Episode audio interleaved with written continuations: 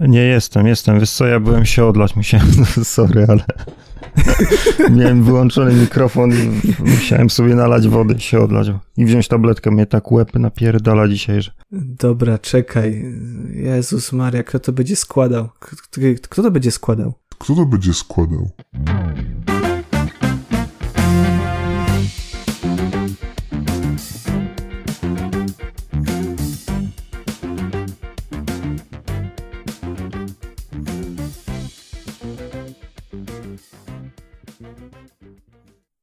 Cześć, witajcie w ósmym odcinku GamerWeb Podcast. Ja nazywam się Kasjan Nowak i wspólnie z Kamilem Kościelniakiem. Cześć. Robertem Heustowskim. Dzień dobry. I Tomaszem Piotrowskim. Cześć, cześć. Omówimy sobie najważniejsze newsy z ostatnich dwóch tygodni. Y, porozmawiamy sobie też o kilku grach y, trochę dłużej, bo będą recenzje. I mamy nadzieję, że wspólnie spędzimy sobie y, w miłym towarzystwie ten czas. Ale zanim, zanim przejdziemy do newsów, a mamy ich naprawdę sporo, ponieważ konferencji na takim, nazwijmy to, udawanym E3 jest ich całkiem sporo i sporo musimy sobie nadrobić, a jeszcze trochę jest przed nami, ale to oczywiście w kolejnym odcinku, to przejdźmy może najpierw do rozstrzygnięcia konkursu z kangurkiem KO. Mistrzu ceremonii, jesteś tam z nami? Jestem, jestem. No dobrze, no to losuj. Były cztery komentarze, także szansa jest całkiem spora. Szaleństwo, tym razem szaleństwo. Już więcej konkursów nie będzie. Jak się tak. Dobra. Mamy zwycięzcę. Okej. Okay. Sylwia to Migotka. To. Gratulujemy. Odezwij się na kontakt małpa.gamerweb.pl. Do wygrania była, przypomnijmy, cyfrowa edycja e, Kangur Kakao na PlayStation 5. Dobrze mówię? Tak jest. Tak jest. E, komentarz e, dotyczył mm, ulubionej platformówki z dzieciństwa. No i dla Sylwii Migotki był to Mario. No i okej. Okay. Myślę, że jak najbardziej. Akceptuje Robert taką odpowiedź? Owszem. Owszem. Okej, okay, dobra, dobrze. No to myślę, że mamy z głowy mm, konkurs i możemy przejść do newsów. Zanim przejdziemy do konferencji, to najpierw takich kilka e, szybkich strzałów, że tak to wyrażę się, e, że się tak wyrażę. The Lord of the Rings Gollum z datą premiery. I w The Lord of the Rings zagramy już 1 września. Gra ukaże się na PC, PlayStation 4, PlayStation 5, Xbox One, Xbox Series X i S oraz na Nintendo Switch, ale to w późniejszym czasie. Będziecie grać w Goluma? Pewnie tak. Ja się cieszę, bo ta gra przypomina dwie gry z serii Styx, no i to może być taki spadkobierca tej serii. Więc ja się cieszę. No ja również. Nie, żebym czekał jakoś tak bardzo intensywnie, ale e, jestem ciekawy, co studio, które słynie przede wszystkim e, z takich klasycznych przygodówek, tutaj nam wysmaży, bo to nie jest, nie jest taka typowa gra w ich stylu. Okej. Okay. Mm, kolejne, e, kolejny cykl, który jest bardzo znany, czyli Star Wars i kolejna gra właśnie ze Star Warsami w roli głównej. Zapowiedziano Star Wars Jedi Survivor, który ma już datę premiery? Chyba nie, chyba Jeszcze dopiero nie. został zapowiedziany. Tak jest. No i warto tutaj powiedzieć, że to jest tak właściwie Fallen Order 2. Mhm. Czyli można liczyć na więcej tego samego, tak myślę. No miejmy nadzieję, że więcej dobrego albo lepszego, bo pierwsza odsłona była taka sobie. Miała kilka fajnych elementów, ale też było wiele takich rzeczy, które mm, odrzucało mnie od tej gry. Jedynka, jak dobrze pamiętam, technicznie e, kulała ostro, tak, zwłaszcza, na Xboxie. Zwłaszcza na samym początku. Nie, na poprzedniej generacji to, to były dosyć spore spadki płynności animacji. No ale później to troszeczkę już połatali, poprawili, ale nigdy to nie było jakiś taki poziom, żeby zadowalający taki, mm, do czego jesteśmy przyzwyczajeni w przypadku, nie wiem, tytułów ekskluzywnych chociażby. Mamy też y, wiadomość o powstawaniu nowego Sniper Ghost Warrior. Tu akurat nawet nie mamy zwiastuna. Mm, możemy jedynie się domyślać, że produkcja będzie nawiązywała do tych ostatnich dwóch części, które mi się bardzo podobały. Nie wiem, czy mieliście okazję zagrać, ale e, CI Games e, chyba już znalazło patent na to, żeby oddać celny strzał.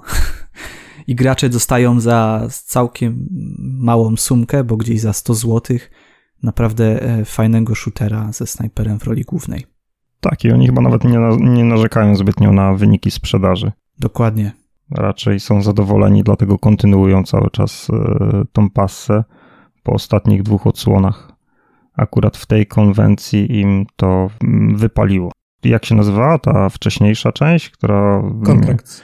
Kontrakt, tak. Kontrakt z jeden, kontrakt z dwa. Tak, tak, a ta wcześniejsza właśnie, która okazała się taką wtopą, ona była w otwartym, była po prostu była w otwartym świecie, tak? Co była zrobiona? Tak, tak, tak. Mhm. Polski Far Cry. Trochę tak. Trochę tak i trochę nie pykło i trochę też e, słabo było na przykład z dubbingiem. O Jezus Maria. Stramowskiego wtedy wzięli, ja to pamiętam. Boże. No, jeszcze ograniczony budżet, nie? No i wisienka na torcie to był jeszcze potem ta rozkładówka w Playboyu, ale to już w ogóle. To był hit. No czemu? Jakoś na Wiedźmina 2 nikt nie narzekał, że były Nagatris. Tam za dużo troszeczkę postawione chyba na edycje prasowe i za dużo e, stracili kasy na te. Co oni to wtedy rozdawali? To były chyba gramofony, nie? O kurde, już nawet nie pamiętam. No, Też widzisz. nie pamiętam. Co, ja pamiętam, bo zazdrościłem. no, ale jeszcze bankierzy też byli pewnie poopłaceni, ale nie no, żartuję sobie. Dowodów wiadomo, że nie ma, ale co tam ta ekipa robiła, tych wszystkich bankierów, to takich no nazywam po prostu. Robi. No ale nauczy, nauczyli się na błędach i teraz już nie robią takiej wiochy. I fajnie, też, pierwsza no, też, aż to, ale chyba nie na taką bardziej skalę. Bardziej niszowo. Aha. Ale na pewno CI Games nie robi wiochy tak, i robi CI Games gry. nie robi. I to mi się podoba. Dobrze. Mamy też pierwszy gameplay z Sonic Frontiers i skąd to westchnienie? No bo to wygląda źle. To wygląda bardzo źle. No Sonic sobie biega po pustej mapie. Tak. No i fajnie. Po no pustej no mapie. Te wszystkie elementy sonikowe, czyli te E, rampy do ślizgania wiszą w powietrzu. Czasem Sonic w, ogóle musi się zatrzymać, żeby się wspiąć na wieżę niczym w Zeldzie. Nie wiem, to jest dziwna gra. E, tak, podoba mi się zresztą e, komentarz pod filmem Sonic is so fast, he's outrunning the graphic card. I to jest po prostu boskie. Uwielbiam. No, no co, no może to jeszcze skasują. Chyba nie. Nie, chyba dzisiaj odpowiedzieli, że nie przełożą premiery, mimo że fani domagają się. No, czyli to wyjdzie w takim stanie, więc ja myślę, że to może powtórzyć sukces Sonika 06. Kto wie, ten wie, czym był Sonic z coś mi, 2006 coś mi się, roku. Coś mi to mówi, ale już moja pamięć zawodzi. To jest ten, gdzie z księżniczką się całuje tak. Sonic. Mhm. To był Sonic, który też y, chciał być trochę bardziej realistyczny, trochę. Tak, tak, tak jakby go do Final Fantasy wyrzucili. Tak. Wiesz, ale to dobrze, że oni chcą troszeczkę w taki powiew świeżości wprowadzić do tej serii. Bo tutaj tak, tak. tak tylko że no, źle się za sposób. to zabierają, dokładnie. To mm. znaczy to wygląda słabo, pusto po no prostu. No to tam... wygląda trochę jakby wzięli losowe asety z otwartego świata i wrzucili tam Sonika, żeby sobie biegał. Mhm, dokładnie, jako jakaś taka koncepcja, jakby to mogło tak. wyglądać, to okej, okay, ale no, tak obudowane, no to rzeczywiście, no nie. To chyba nie przejdzie. Y, dobra, idźmy dalej, bo i tak będziemy mieli jeszcze sporo gadania przed sobą to może teraz coś polskiego. E, nie, żeby wcześniej nie było snajpera, ale dobra. Evil West. Z datą premiery 20 września będziemy mogli sobie pograć w kolejną tegoroczną produkcję Flying Wild Hawk. Całkiem szybko w sumie. Tak jest. Ale myślę, że będzie ok. Jak oni to zrobili w tym roku, to naprawdę podziwiam ich. Trzy tytuły no. wydali. Jeszcze nie, ale będzie we wrześniu ich trzeci tytuł. Shadow Warrior 3, ile? Dwa miesiące później. Mhm. Tak. No i teraz we wrześniu, no to zaledwie w przeciągu kilku miesięcy, trzy, trzy, trzy gry. No masz, no 6,5 miesiąca, 7 hmm. miesięcy masz, masz trzy gry. Trzy premiery. A, spoko. A my tyle lat już, tyle lat już czekam na e, Hellblade 2. I Microsoft złe studio kupiło. Nie? Było takie idealne studio dla Microsoftu, które by gdzieś te gry AAA im czepał tak e, dosyć szybko. I, a tutaj tak na niektóre te studia, które kupili mm, Amerykanie e, kilka lat temu, pięć lat temu chyba był taki pierwszy ten e, gwałtowny zryw. No i, i z tego niewiele wynika w dalszym ciągu. Ale do tego mm. jeszcze wrócimy. Leniwi są. Tak, albo Microsoft po prostu za mało płaci. Okej. Okay. No to jeszcze mm, jeden taki news. Jeszcze mam jeszcze trochę newsów przygotowanych dla was, y, a w sumie to Robert przygotował. Y, słuchajcie, jak się zapatrujecie na nowego Dragon Age'a? Na razie tam może Właściwie to dużo nie wiemy. Nie wiadomo. Tak, ale jakie macie oczekiwania odnośnie Dragon Age Dreadwolf? Hmm. Myślę, że to będzie taki trochę sequel do Inkwizycji, ale w sumie może wyjść fajnie. Akurat ja należę do tych osób, którym Inkwizycja się podobała, więc jeśli nawet dostanę więcej tego samego, no to nie będę jakoś narzekać. No bardziej niż tego. Andromedy chyba nie mogą spartolić Jantem, nie? Bo już kolejnej gry pod rząd nie schrzanią, więc może tym razem się uda. A co do Inkwizycji, no to spoko. Tylko Inkwizycja, tak mi się wydaje, miała ten problem, że początek gry był najbardziej rozbudowany. A potem wydaje mi się, że już nie, nie starczyło czasu na resztę. Więc mam nadzieję, że tym razem gra cała będzie rozbudowana i, i jakby tak wielka, jak, jak te początkowe lokacje z Inkwizycji. Mnie trochę ta grafika pierwsza e, zdziwiła, bo wygląda jakby była robiona do tytułu w stylu Saintro. No, taka mhm. fioletowa jest. No, no, no nie wiem, jakieś tak kojarzy mi się z animacjami Disneya. No ale jeszcze, jeszcze trochę sobie na Dragon Age'a poczekamy. Y, mam jeszcze trzy takie szybkie strzały, jeszcze szybsze. Y, okołogrowe. Grupa Embracer Group mm, zamierza, mm, tworzy największe na świecie archiwum gier. I co obecnie wiemy, że posiadają 50 tysięcy gier konsol, czy tam akcesoriów jeszcze do, do konsol, do gier.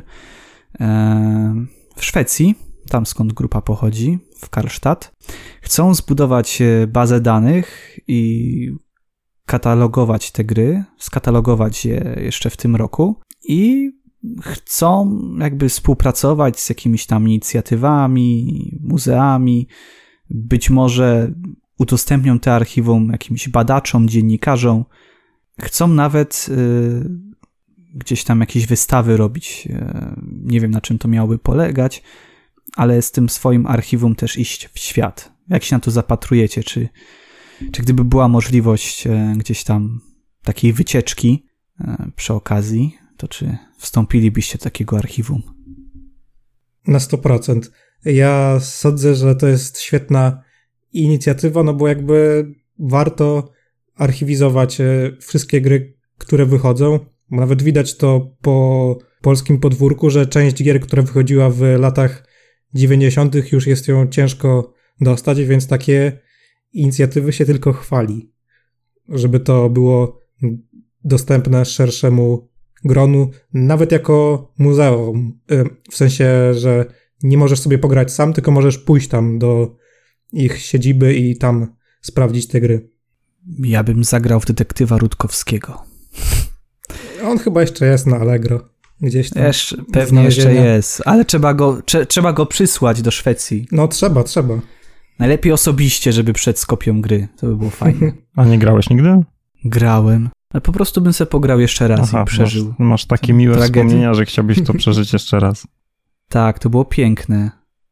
Albo no. tak samo jak Maluch Racer 3, że to była jakaś tam włoska produkcja Mm, tylko opieprzyli to jako tam, no, jako Maluch Racer 3 wydali, to też pamiętam, to były te czasy takie, gdzie się kupowało każde gówno. Bylo było oryginalne. Boże święty, ile ja tam kasy przetopiłem. Ta firma dzięki mnie drogie. istniała. No tak. W kiosku za pie, pie, 15 czy 20 zł kosztowały, więc... No i Kasjan kupił i za 5 minut była gra. No. Mhm. No. No, poza tym, wiesz, no, szczerze budżet się od razu spłacił, no bo budżet takiego, nie wiem, Terrorist Takedown 3, którego gameplay trwał godzinę, no to ja myślę, że tak dwie zupki knor i już było zrobione. Bo CI Games też tworzyło potem mm, gry ze swoich własnych asetów, tylko na przykład zmieniało zimę na pustynię i, i hulało, nie? Także koszt produkcji takiej gry był znikomy. A mały Kasjanek zacierał ręce. No, bo to tam się cieszyłem, bo tam kolejna gra. I fajnie, i se pogram. A, już możesz im wysłać. Trochę. Do no, kolekcji, ja... jak masz. Wyślę, wyślę, wyślę. Jest nawet na YouTubie, mm, ktoś ogrywał wszystkie gry City Interactive. Podziwiam. A chyba jeszcze je wszystkie przeszedł. No to już w ogóle. No proszę. No proszę. Bo oni też nie mieli samych shooterów, tylko też trochę przygodówek, które akurat były całkiem spoko, więc no. Aczkolwiek on chyba ogrywał wszystkie shootery, no ale tak czy tak, no. To trzeba było mieć dużo samozaparcia w niektórych momentach. Okej, okay. ale może przejdźmy dalej. Taki mm, news dosyć e, ciekawy, bo myślę, że kojarzymy wszyscy Dmitrija Głuchowskiego i kilka jego książek. Oczywiście, no to najważniejsza, mm, pewnie tą, którą najwięcej graczy zna, czyli Metro, seria Metro. No ale też na przykład wit Witamy w Rosji, tak chyba było, tak? Witajmy mm -hmm, w Rosji. Mm -hmm. Witajcie, witajcie w Rosji, tak to było, nie? Była taka tak, książka tak. jeszcze. No, zresztą Głuchowski jeszcze Futurę i miał jeszcze parę innych. No jest ścigany listem gończym w Rosji. Bo chłop, y, no, nie po linii partii oczywiście i władzy, z, mm, otwarcie krytykował napaść na Ukrainę. Cóż, co możemy na ten temat powiedzieć? Jest to tutaj na liście. E, no co, no życzymy... dobrze, że go teraz w Rosji nie ma, to tyle możemy no, powiedzieć. Życzymy, życzymy powodzenia, żeby go gdzieś tam nie skroili i czekamy oczywiście na kolejne książki, bo e, choć to Rosjanin gry. i kolejne gry, bo choć to Rosjanin, to akurat myślę, że to jest nasz Rosjanin. To jest nasz Rosjanin. To jest dobry człowiek po prostu. Dobra mordeczka. Okej. Okay. No i mamy jeszcze jedną rzecz. E, tutaj pewnie bardziej Tomek i Robert. Mm, bo zmarł autor, e, zmarł autor e, mangi Berserka. Dobrze mówię? Tak. Tak, Kentaro Miura. Tak jest. A młody był. 54 lata. E, tak, Coś... tak, ale on, on, przy Berserku nieźle się też męczył strasznie. A to co Dlatego, się stało? To chyba jakaś choroba, ale on ogólnie, mm, mm, no bo to było też ci, którzy czytali Berserka od, od, początku, mogli zauważyć, że w pewnym momencie spowalniał tempo strasznie kolejnych rozdziałów i miesiące, chyba nawet lata mijały pomiędzy kolejnymi rozdziałami, bo ta, ta, ta manga ma, miała świetne ilustracje, bardzo dopracowane i bardzo czasochłonne.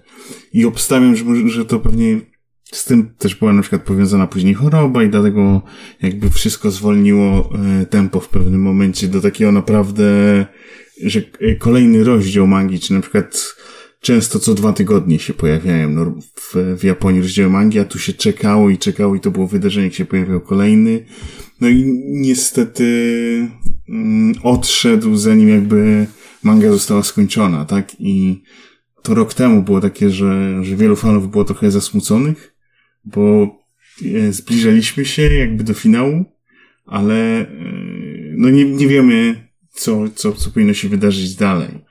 Co też e, dla niektórych, dla niektórych osób, które kilkanaście, ponad dwadzieścia lat czekało na, na ten finał przygód Gatsa, no to to było takie trochę wzruszające, nie? Jak ktoś, kto jest bardzo też wpływowym był, był mangaką Kentaro Miura, bo, bo i widać to w wielu grach wideo, które bazują na, na jego pomysłach. Y, inne mangi bazowały na jego pomysłach anime. Jakby wiele tej stylistyki, którą znamy, tego takiego e, magicznego średniowiecza e, w japońskiej wersji to właśnie wywodzi się y, z jego twórczości. On był bardzo wpływowy i, i dlatego to było wielkie wydarzenie. No i teraz to, co jest tym, tym jakby newsem, no to, że manga będzie kontynuowana bez jego udziału. e, czyli wydaje mi się coś dosyć kontrowersyjne, e, przynajmniej w środowisku e, fanów mangi, tak? Bo mm, z jednej strony, no to pewnie część osób może się ucieszyć, że jakby poznamy zakończenie, no bo przez lata śledzimy to, jak Guts, czyli główny bohater mangi, jakby mierzy się z kimś, kto był wcześniej jego przyjacielem i jakby jest taka od lat budowana ta rywalizacja pomiędzy nimi i tak dalej. I dostajemy zakończenie, tylko z drugiej strony nie wiadomo, czy to będzie to zakończenie, które w planach tak naprawdę miał autor i yy, chyba wszyscy dobrze z doświadczenia znamy, że yy, jak kto inny bierze się za dokończenie yy, cudzego dzieła, no to to nie wychodzi najlepiej. Chyba świetnym przykładem na to jest cykl Diony, tak? Bo po śmierci Franka Herberta jego syn zajął się kontynuacją Diony. I jakość e, kolejnych książek, no to to jest e, jak samolot, tak? Po prostu spada, jakby, był jakiś wypadek. I, i obawiam się, że e, to samo może być z Berserkiem, tak? Że coś, co było i na, nadal jest pokazywany jako największy taki, taki przykład, że okej, okay, jeżeli chcemy mówić, że manga to jest taka sztuka prawdziwa, no to to jest właśnie często się mówi Berserk, to jest jeden z tych, z tych kilku takich przykładów, że to, to jest to, co udowadnia, że, że mangi potrafią być świetne, no i teraz e, są obawy, tak, no bo jakby jedna osoba tak naprawdę stała za, za tym sukcesem i czy bez niej uda się to kontynuować, to jest e, dosyć interesująca kwestia. Hmm. A znasz Hideo Azume? Eee, czekaj. Nie, nie bo, właśnie, bo jak mówiłeś o przepracowaniu i tak dalej, czy tam po prostu no nie wiadomo, co się z chłopem mhm. stało, to mi się przypomniał właśnie Hideo Azuma i to jedyna e, rzecz japońska, jaką czytałem, dzienniki z zaginięcia i to właśnie jest taki mm, autor, to jeżeli go nie znasz, to może to był podrzędny japoński autor. E, nie, nie, poczekaj, bo y, powiem ci szczerze, musiałbym nie, no... pewnie wygooglować i dopiero bym wiedział, nie? Bo możliwe na przykład, że czytałem. E... Znaczy, on już też, on już też nie żyje, też produkował e, mangę i, mm -hmm. i był chyba całkiem, całkiem znany tam w latach, nie wiem, 80., tylko że po prostu w pewnym momencie no, stoczył się. I później na podstawie tego jego stoczenia się i tych jego przeżyć e, powstały właśnie Dziennik Zaginięcia. E, czyli taka manga będąca swego rodzaju jakąś autobiografią. Aha, aha, mm. dobra, dobra. No i, i to jest jedyne, jedyna manga w sumie, jaką czytałem w życiu. E, ale całkiem ciekawa i, i taka też. Tak, tak. Tutaj właśnie czytam, że to jest jakby ten E, jest uznawany za ojca lolikonu, no to trochę jakby e, nie moje klimaty.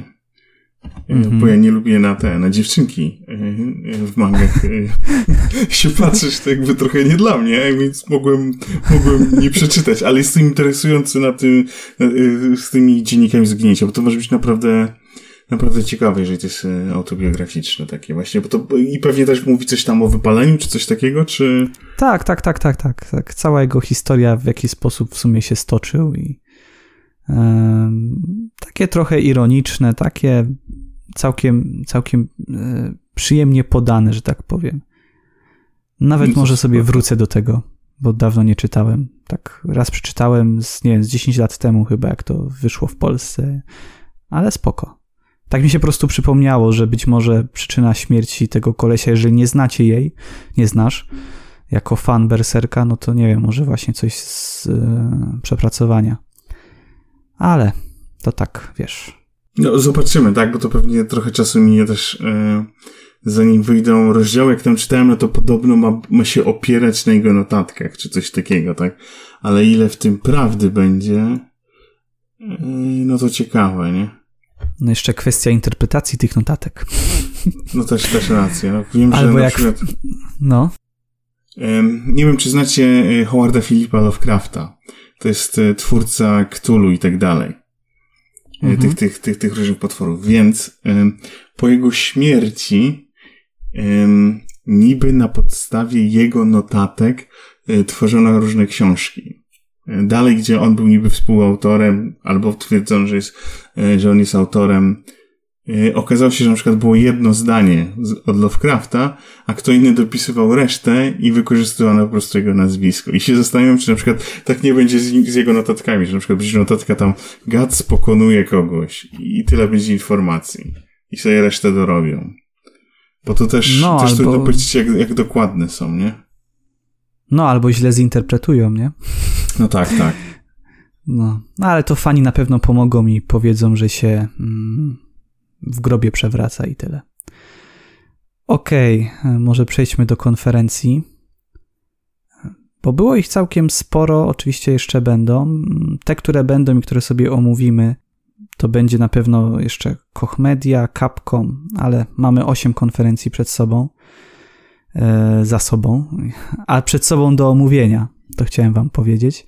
Więc przejdźmy może do State of Play, czyli konferencja, która odbyła się najwcześniej, 2 czerwca mm, i była to konferencja Sony. Powiedzcie mi, jak wam się podobało. Oczywiście nie zabrakło Mm, nowych gier, które mają zmierzać na PlayStation 5, na PlayStation 4, oczywiście też na PC, a jednak na przykład Spider-Man. Czego oczekiwaliście, albo po prostu powiedzcie, co, jaki tytuł Wam się najbardziej tutaj podobał, czy jesteście zadowoleni? Także może zaczniemy od e, Kamila. Wiesz co, chyba ogólnie fani PlayStation już nie mają jakichś wielkich oczekiwań w stosunku do State of Play, bo to są takie małe e, imprezy. Tutaj pewnie troszeczkę oczekiwania były większe, bo zbiegło się to w czasie jakby z tym okresem e, dużych konferencji, które wcześniej były związane ze 3, teraz są związane z Summer Game Fest. No I paradoksalnie chyba nawet dla fanów Sony ważniejsze było to, co wydarzyło się na Summer Game Fest, niż to, co wydarzyło się na E, state of Play. No bo mm, raczej e, ta impreza Sony była taka ukierunkowana na mm, produkcje e, multiplatformowe.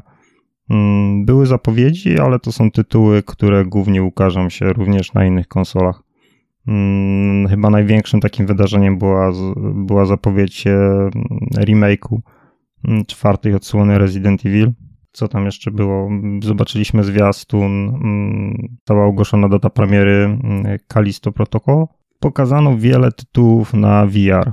Mnie akurat to tak średnio interesuje. Większość z tych produkcji to są tytuły, które ukażą się na mm, VR 2, e, więc no średnio to zachęca do kupna starszej generacji gogli, które obecnie są dostępne na rynku, tylko one. Co tam było? jakaś produkcja w uniwersum The Walking Dead, nie? Tak. Coś z Horizonem też było. Horizon. Mhm. Chyba jak kilka jeszcze mniejszych produkcji. I Rezydenty. Tak. Oba. Czwórka i ósemka. Mhm. No i co? I jeszcze poznaliśmy datę premiery mm, gry o głaskaniu kota. Stray. Tak. No i to chyba w zasadzie wszystko z takich ważniejszych rzeczy. Nie wiem, czy coś jeszcze przeoczyłem. Nie, nie, nie była to jakaś zła konferencja, ale też nie miała prawa jakoś rzucić na kolana.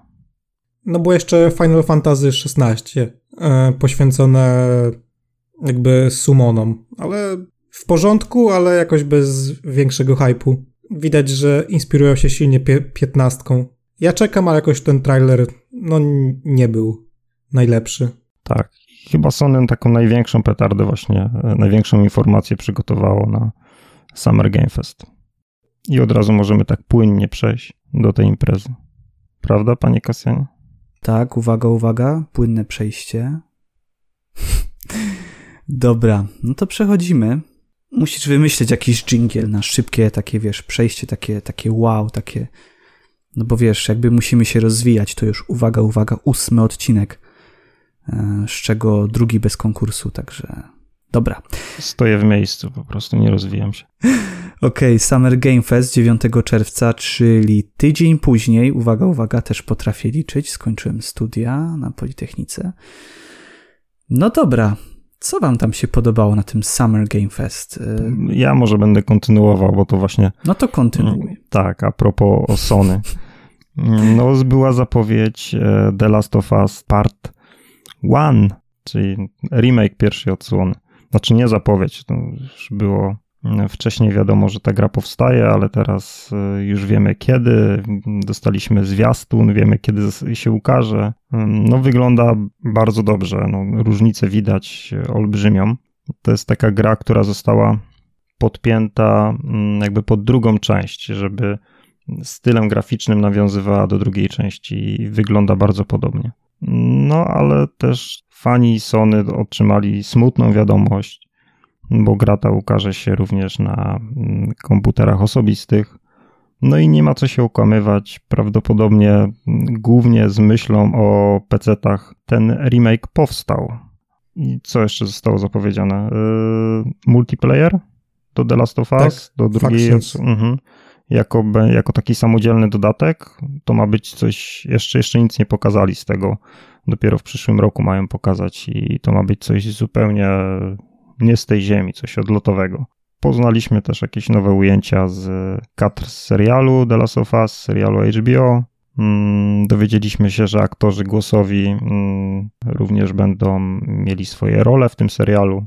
To jeżeli chodzi o Sony, to chyba takie najważniejsze wydarzenie i to rzeczywiście było szykowane jako taka petarda, bo, bo ta inform te informacje znalazły się już na samym końcu e, Summer Game Fest.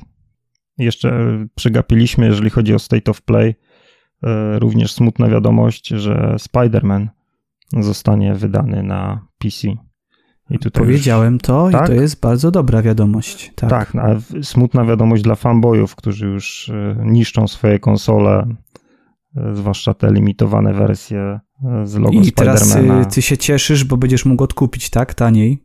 Za taką połowę konsoli, tak? Później skleję tak. całość. No. Tak.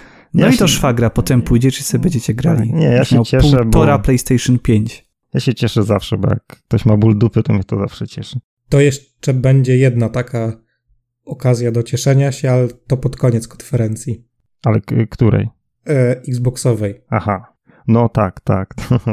To, już nawet petycja powstała chyba, nie? W związku z tym, z tym bólem dupy. Jest... Tak. No tak, ale dobrze, nie uprzedzajmy faktów, jak to mówił pan e, Bogusław Wołoszański. Pamiętajcie, uczę się od najlepszych. Dobra. No ale e, tam jeszcze na Summer Game Fest było wiele dobra. Tutaj Oczywiście, że tak, tak właśnie tak, chcę tak, nim... już, Ja już kończę, dobra. Dobra, y, to ja jeszcze tak tylko powiem, y, żeby was wprowadzić. 7 y, października Marvel's Midnight Suns, czyli taki XCOM w świecie Marvela. Mm, nowy zwiastun Warhammera 40 Dark Tide, czyli coś dla nas, drugi tomku. E, twórcy StarCrafta 2 tworzą swojego własnego RTS-a. Mm, mieliśmy też polskie akcenty, czyli chociażby Layers of Fears i nowy zwiastun Witchfire, którego się już nie umiem doczekać. Nie umiesz. A ja totalnie hype mi e, opadł, jeżeli chodzi o ten tytuł. Jak się dowiedziałem, że to jest rogalik, to stwierdziłem, a to chuj, nie czekam.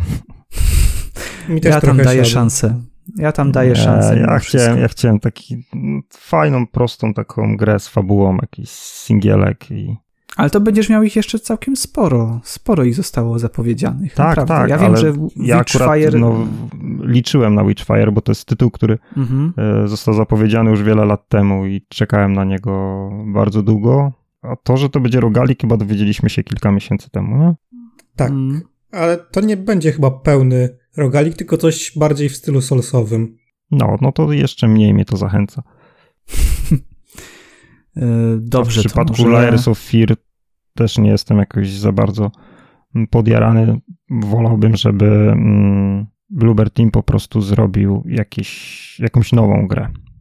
Bo szczerze no, mówiąc. Albo Silent Hilla, nie? Tak, no, no, no niby ma robić. No. Kojima już chyba nie będzie robił Silent Hilla, chyba nie masz tylu rąk do pracy, żeby współtworzyć i tutaj grę dla... Dobra, nie będę zdradzał, bo to przecież nikt tego nie wie, więc później zrobimy taką informację szokującą. No ale jeżeli chodzi o Liars of Fears, no to rzeczywiście e, to jest jakby gra, która pozwoliła tej ekipie się wybić, być rozpoznawalną na arenie międzynarodowej, ale jednocześnie uważam, że z ostatnich tytułów jest to najgorsza produkcja mm, polskiego studia. I szkoda, że właśnie akurat ten tytuł kontynuują, bo to Była pierwsza część, była druga i teraz, teraz nie wiem, czy to będzie. Chyba trzecia, chociaż tam były takie ujęcia, które by zwiastowały, że to jest takie połączenie pierwszej i drugiej części. Mhm. Bo tak. był zarówno obrazy, czyli motyw przewodni pierwszej części, ale także statek taki filmowy, który był w drugiej części. Na pewno z tych wszystkich e, tytułów od polskich ekip, które były zapowiedziane w ciągu ostatnich dni, jest to produkcja, na którą czekam najmniej. Pomimo tego, że uwielbiam gry e, Bluebird Team. Robert, a twoja ocena Summer Game Fest? W porządku, ale oczekiwałem trochę czegoś więcej. Mm, szczerze był monotematyczny, bo dominowały na nim dwa gatunki, czyli kosmiczny horror i shootery FPS, no bo mieliśmy zarówno gameplay z... A jak się nazywa ten tytuł?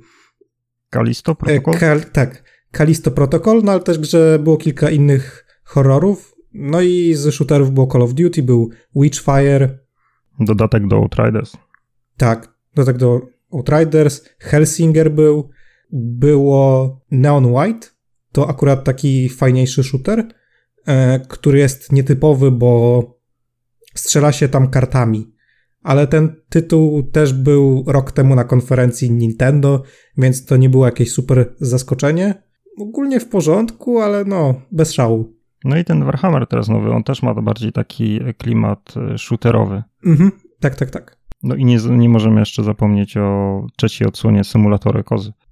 Szczerze, ja jak oni to zapowiadali, to myślałem, że to będzie jakaś inna gra. No ale to- z tym zwiastunem to zrobili taki numer, że... Dying Light y, 2, to trochę, tak? Nie, Nie, nie, nie.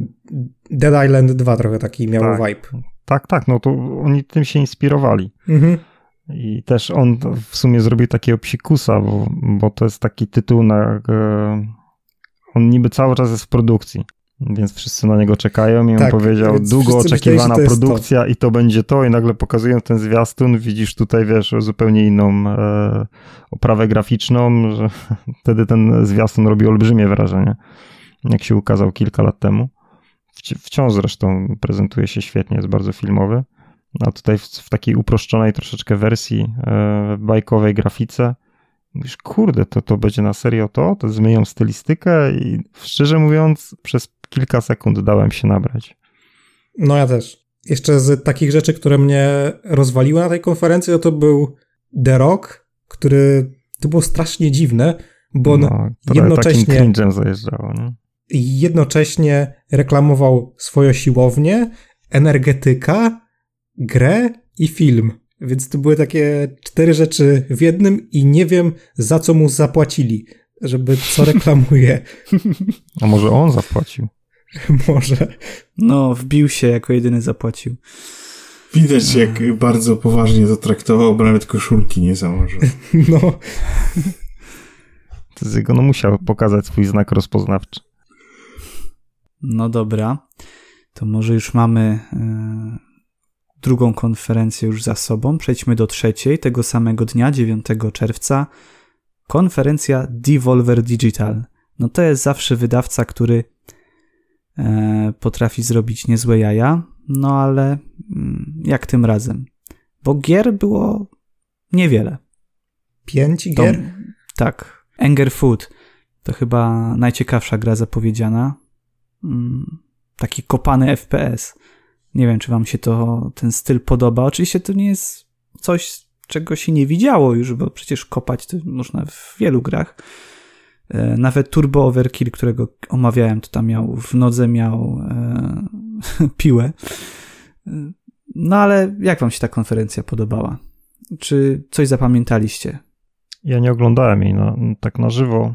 Później o, obejrzałem kilka materiałów zwiastunów, co tam zaprezentowali, ale szczerze mówiąc nie przygotowałem się, jeżeli chodzi o tą konferencję, ale była taka mniejsza gra, w której akcja rozgrywa się na kartach książki dla dzieci. Plucky Squire. Tak, Lucky tak, tak. Squire, tak. No to, to zwróciło moją uwagę. Ba, bardzo fajny pomysł, oryginalny i na, na pewno będę chciał e, w to zagrać. Tomku? E, moją uwagę zwrócił oczywiście Mecha Suda, e, który O, się tak. pojawił. Ale to było słabe, bo nie było żadnej jego gry.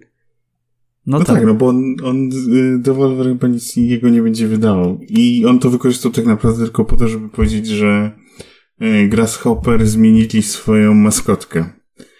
E, I tylko po to to tak naprawdę służyło, że teraz e, nowy ludek jest e, symbolem tego studia. Szkoda, że nic nie zapowiedział, zwłaszcza, że z tydzień wcześniej mówił, że ma, będzie miał niedługo coś do zapowiedzenia, więc liczyłem, że nawet jeżeli nie, nie, nie u nich coś, co wyda z Devolverem, no to chociaż coś, coś mniej więcej e, skierują nas w którą stronę coś wyda, no ale szkoda. No ale z drugiej strony e, dobrze, żeby Suda do większej ilości osób dotarł, bo to jest jednak e, strasznie ciekawy twórca, bo na przykład nie wiem, czy widzieliście, że on swoją karierę zaczął jako grabarz. I dopiero potem się przerzucił do gier wideo, gdzie e, stworzył jedną z najdziwniejszych e, gier o wrestlingu amerykańskim, gdzie e, z trybem fabularnym, gdzie nasza postać na koniec samobójstwo popełnia z powodu tego, że tam jest zawiedziona wyborami swojego życia. Więc to jest bardzo nietypowy twórca z ciekawą karierą. No i chociaż mam nadzieję, że to się tyle przysłuży, że e, dotrze do większej ilości osób i może więcej osób zainteresuje się grami e, studia Grasshopper, bo chyba im za dobrze, za dobrze się nie idzie, bo na przykład No More Heroes 3 chyba specjalnie jakoś dobrze się nie sprzedało. A to też, też, też, też szkoda e, w takiej sytuacji, gdy ktoś robi trochę lekko dziwaczne, niszowe gry, E, to lepiej, żeby się przebił, nawet żeby był memem, to wtedy jest potencjał, że więcej osób zainteresuje się jego produkcjami. E, a co do tytułów, które były pokazane, no to e, najciekawsze się wydaje Angerfoot, tylko że jestem na 99% przekonany, że już to grałem na Ichio. I teraz nie wiem, czy to jest gra bardzo podobna, czy przez przypadek ta gra już nie została wydana wcześniej w jakiejś mniejszej formie właśnie. Może był prototyp na Ichio. Możliwe, ale po prostu siedziałem tam i ja tak zastanawiałem się, czy to jakieś déjà vu nie mam, bo po prostu mówię, jestem pewny, że już w to grałem. Więc to było takie e, dosyć dziwne doświadczenie. I to zapamiętam. Ale sama gra spoko. Na Ichayo nie było kiedyś wilczego szańca słynnego? Sorry, że tak. E, ale chyba był kiedyś, czekaj. Pewnie był. Tak, jest, jest. Można dalej kupić albo albo za darmo. Sorry, musiałem to sprawdzić, tak by. Jakby wiecie, no, to jest lepsze niż e, Anger Food. Właśnie, przecież w Wilczym Szańcu też można było kopać w czołg, no. Ej, serio. E, nie graliście? Kiedyś grałem, ale pamiętam, że to było bardzo słabe.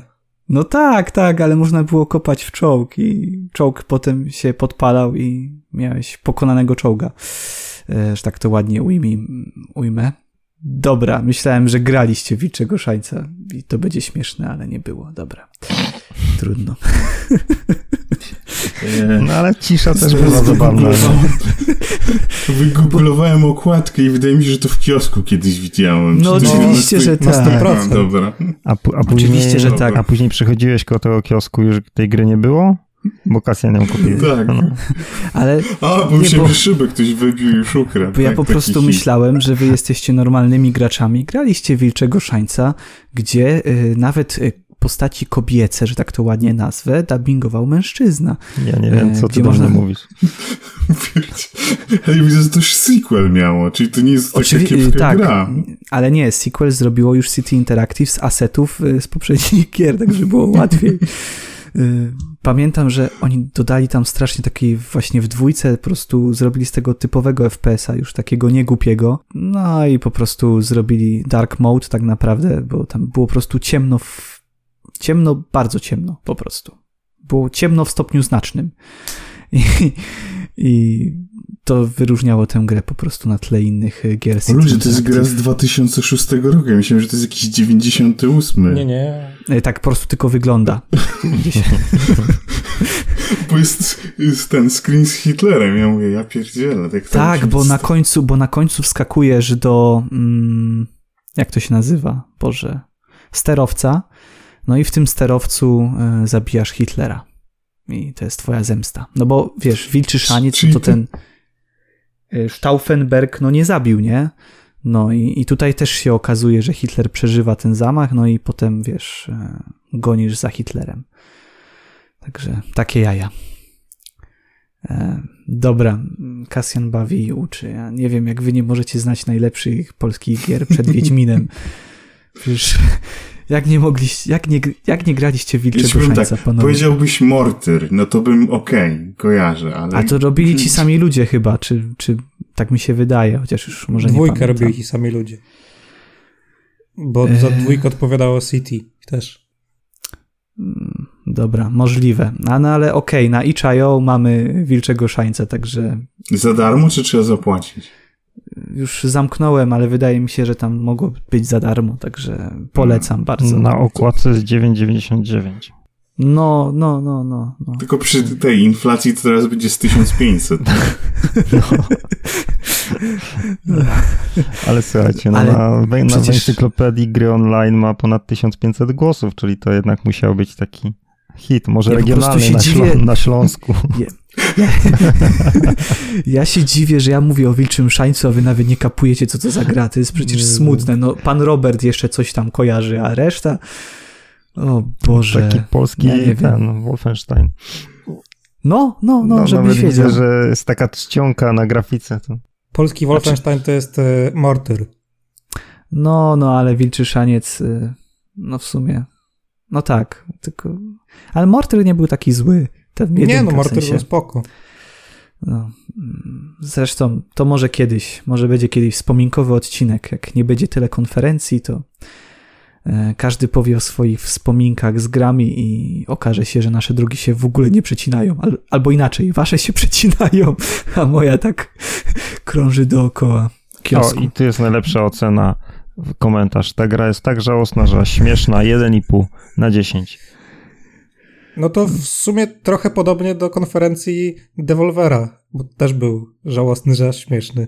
To było bardziej zabawne za pierwszym razem, Tak, szczerze Później mnie już za drugim razem, przestał bawić. a ta konwencja e, już jakby troszeczkę się przejadła i by musieli zmienić już styl.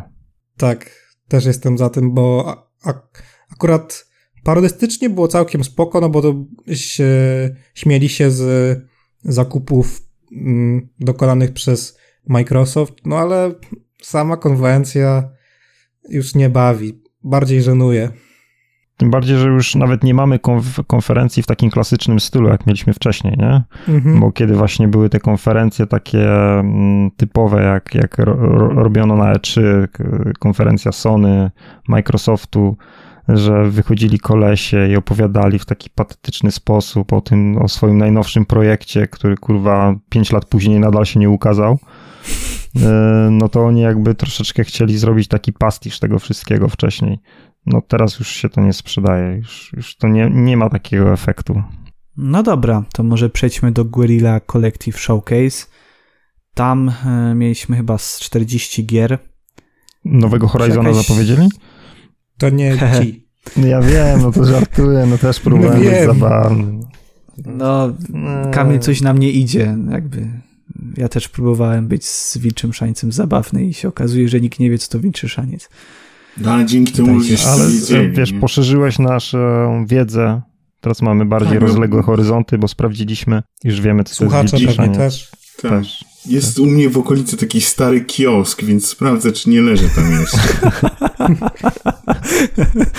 Gasem dzisiaj nie pójdzie spać, wsiądzie w auto, pojedzie do Łodzi kup- kupić ostatni egzemplarz. Okładkę już Nie. ma pewnie taką Nie. wyblakłą. Nie, bardziej myślałem, że Tomek jak tam zobaczy w tym kiosku, to zobacz taki napis, taką kartkę przylepioną ode mnie, tu byłem. I taki podpis Nowak, taki ładny. I za późno, Tomek. No. Spóźniłeś się. Dobra, słuchajcie, mm, co tu było? Tu było trochę takich, e, taki miszmasz straszny, bo to jeszcze nie był taki, taki typowy showcase z indykami, bo jeszcze były inne e, konferencje, które tych indyków się tyczyły. Tutaj też były te indyki. Ja ze swojej strony mogę polecić Industrię, która wychodzi teraz na konsolę nowej generacji, a ja ją recenzowałem na PC. Taki krótki tytuł, ale całkiem, całkiem przyjemny, także to mi się rzuciło w oczy po prostu, że, że wydali w końcu wersję też na konsolę. Nie wiem, czy coś was w Guerrilla Collective zainteresowało. Może Tomka Damer 1994.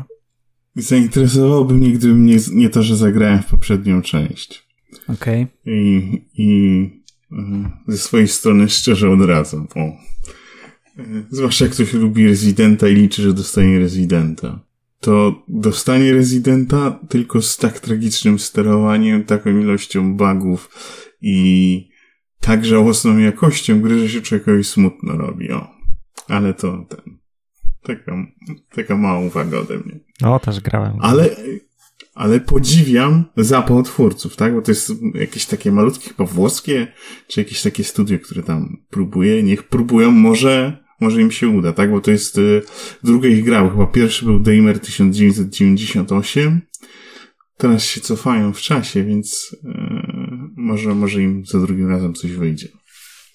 Bo na początku to miał być taki nieoficjalny chyba klon Residenta, tak, tak, tylko, to chyba dwójki miał być. Tak, ten... tylko że no, później się okazało, że jednak powstaje remake Residenta 2 i oni musieli jakby zupełnie zmienić koncepcję swojego tytułu i na tym, co już mieli stworzone, później zrobili zupełnie inną grę. No ale to no, można powiedzieć, że to jest taki no, ukłon w stronę y, serii. Hołd kiepskiej jakości, ale złożony tej marce. E, tak, tak. To, to było bardzo ewidentne, bo ta gra jakoś wyszła w okolicy remake'u Residenta 2 tak, i powiedzmy... Nawet zagadki przepaść pomiędzy... Tak, tak.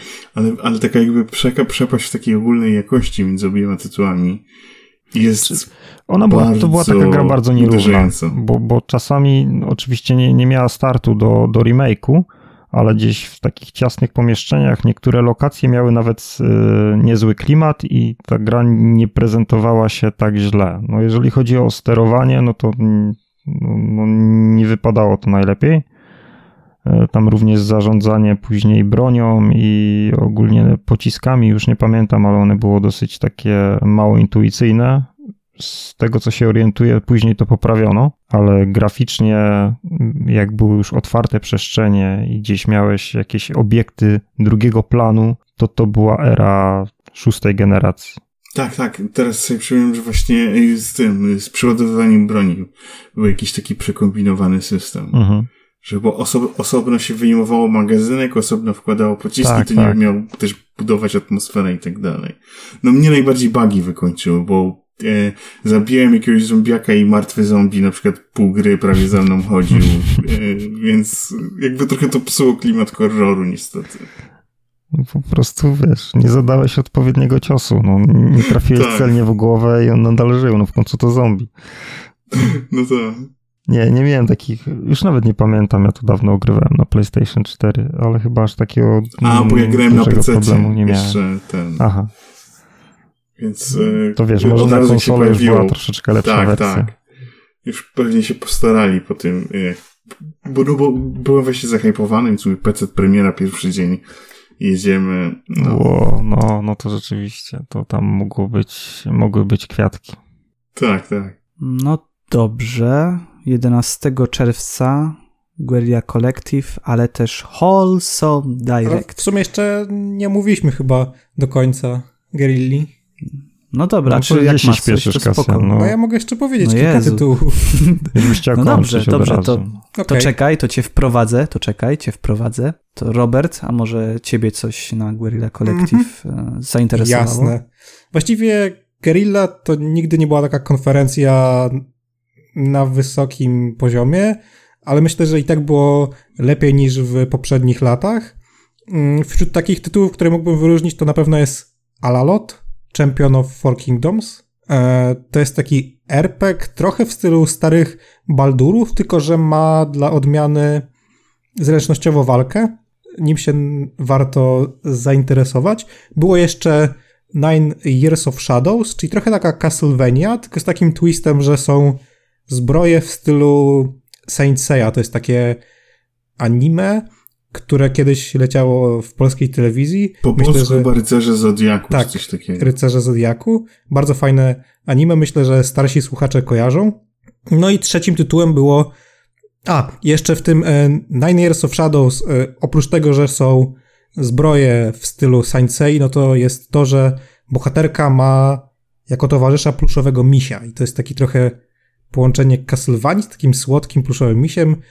To może być fajne. No i trzecim tytułem to Batora Lost Heaven, czyli taki trochę hack and slash, ale łączy się też z twin, e, twin stick shooterem.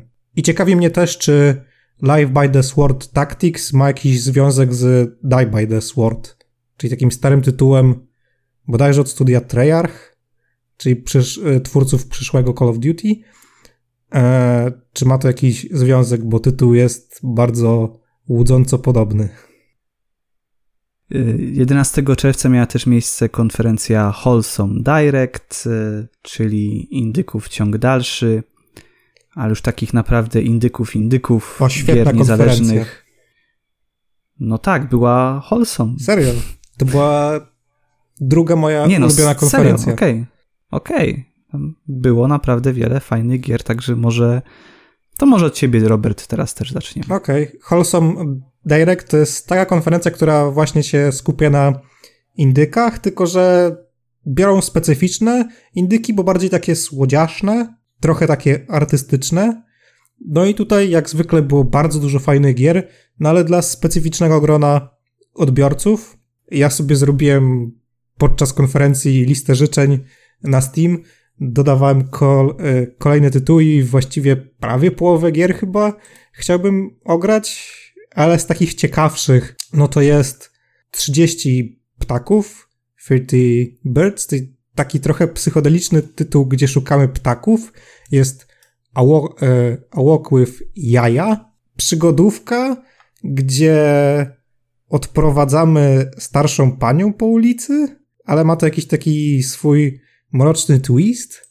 Mm, jest How to Say Goodbye, gra logiczna, e, w formie takiej ilustrowanej książki, która ma opowiadać o duchach, które jakby są pomiędzy życiem i śmiercią i muszą uważać na inne duchy, które chcą zatrzymać ich jako więźniów w tym takim limbo trochę. Ma bardzo ładny styl graficzny. Mm, na tej konferencji właściwie twórca był z takim jednym duszkiem ze sobą.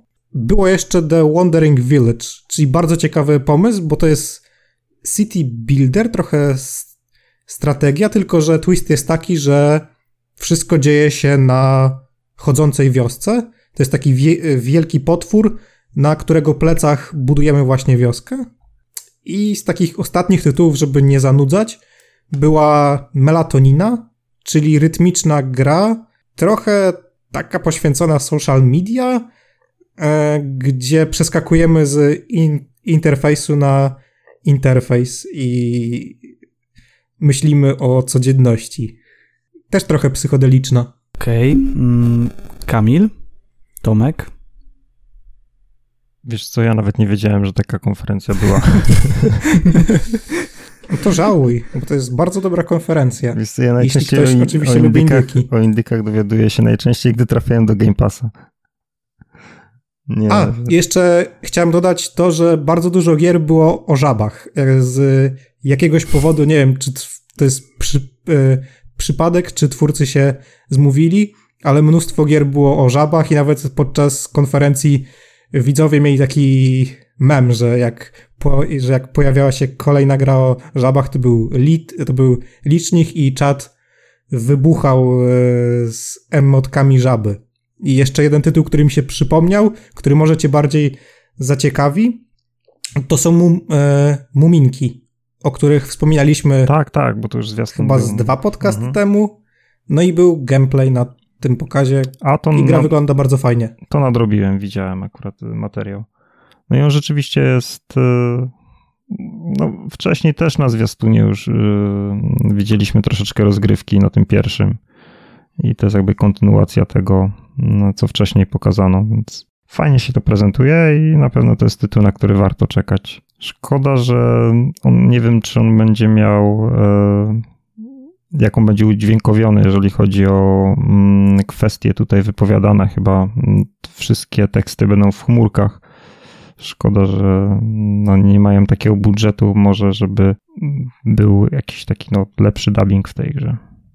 No i ostatnią konferencją e, z 11 czerwca była konferencja Future Games Show.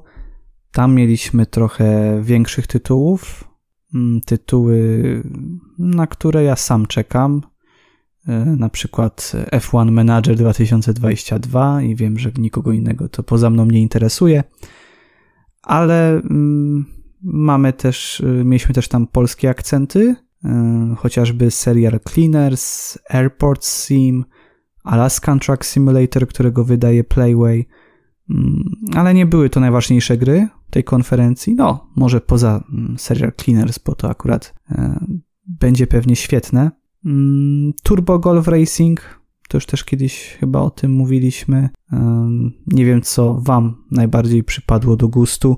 Też dostaliśmy Deadly Premonition 2 e, na PC. Z takich ciekawszych gier nie wiem, co jeszcze Wam. Inculinati w sumie, ale ta gra się pojawia no. od kilku lat, tak samo jak Witchfire. Tak, tak. Inculinati grałem nawet chyba e, jakąś taką wersję demo prasową dla GamerWeba, także mój tekst gdzieś tam pewnie ciągle wisi. Mm.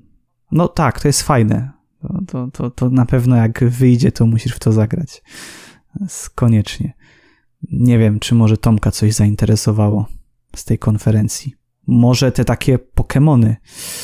O Jezu, to um, tutaj były te Pokémony. To jest świetny tak. koncept. Bo to niby są Pokémony, tylko że Pokémony dostały broń palną.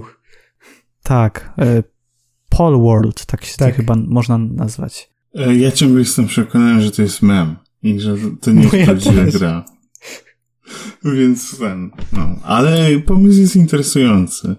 E, najbardziej zainteresowało mnie Deadly Premonition 2 na peceta do momentu, w którym nie dowiedziałem się, jakiej jakości to jest sport, czyli tam 30 sekund później na Steamie. Więc no, trudno uwierzyć, ta gra działa tragicznie na Switchu ale ma trochę ciekawych pomysłów, więc była nadzieja, dobra, na PC wydadzą porządny port, ustawienia graficzne, dobra jakość i, i może być coś ciekawego dla fanów, e, powiedzmy, dosyć specyficznych, niszowych japońskich gier, ale oni poszli po najmniejszej linii oporu i nawet specjalnie ustawień nie ma. Więc nie rozumiem tego. Zwłaszcza, że ta gra chyba z dwa lata temu już wyszła na, na Switchu że tyle czasu im to zajęło i jeszcze nic nie zrobili, więc y, na Switchu się strasznie męczyłem, bo ta gra momentami spada poniżej 10 klatek na sekundę. I liczyłem, dobra, teraz na PC-cie komfortowo sobie zagram, ale nie. No, trudno. Na tej konferencji było American Arcadia? Tak. Tak. No, to Ona chyba nawet kilka, na kilku się pojawiało. Mhm. Wydaje mi się, że na dwóch. Na tej i na... Imprezie e... Sony? Nie, na Summer Game Festie. Aha. Ale może Też się teraz mylę. Zlewają bo... mi się te wszystkie imprezy. Tak, tak, tak, tak. Na tych dwóch, bo teraz sobie na listę spojrzałem. No tego jest tyle, że rzeczywiście ciężko jest omówić wszystko, bo interesujących indyków było mnóstwo, ale to jest właśnie to, że dużo imprez w jednym czasie, bardzo dużo indyków i to tak naprawdę na każdej imprezie, bo można powiedzieć, że brakowało czy to na imprezie Sony, czy też czy na imprezie Xboxa, jakichś takich wielkich y, produkcji, wielkich zapowiedzi i wszyscy ratowali się takimi mniejszymi y, tytułami, czy indykami, czy tytułami AA. Więc chyba możemy już przejść do tej najważniejszej imprezy, która mm. pewnie Robertowi się najbardziej podobała. Okej, okay, jeszcze mogę coś in, ten, mhm. że z ciekawszych tytułów na Future Games Show było jeszcze Il czyli gra, która mhm. zakończyła tę konferencję, no ale nie za bardzo wiadomo, czym to ma być, oprócz tego, że wygląda ładnie. No tak, bo tam chyba wleciał e, Unreal Engine 5, mhm. nie? No ale dostaliśmy faktycznie jakiś taki materiał, chyba 30-sekundowy, także no zakończyło się fajnie, ale faktycznie na ten moment zbyt wiele to no nie wiemy. Poza tym, że chyba w przyszłym roku premiera. Mm, jeszcze była jedna gra logiczna na tej konferencji, czyli The Entropy Center. To może się spodobać e, fanom portali, jeśli ktoś lubi, bo portale jakby od 10 lat chyba już się nie ukazała żadna część, więc tak, to może taką pustkę uzupełnić. The Entropy Center. No dobra, myślę, że przejdziemy do mm, gwóźdź tego programu. gwóźdź tego podcastu Xbox i Bethesda Showcase. Ja mam takie pytanie, czy Hideo Kojima e, zmienił barwy.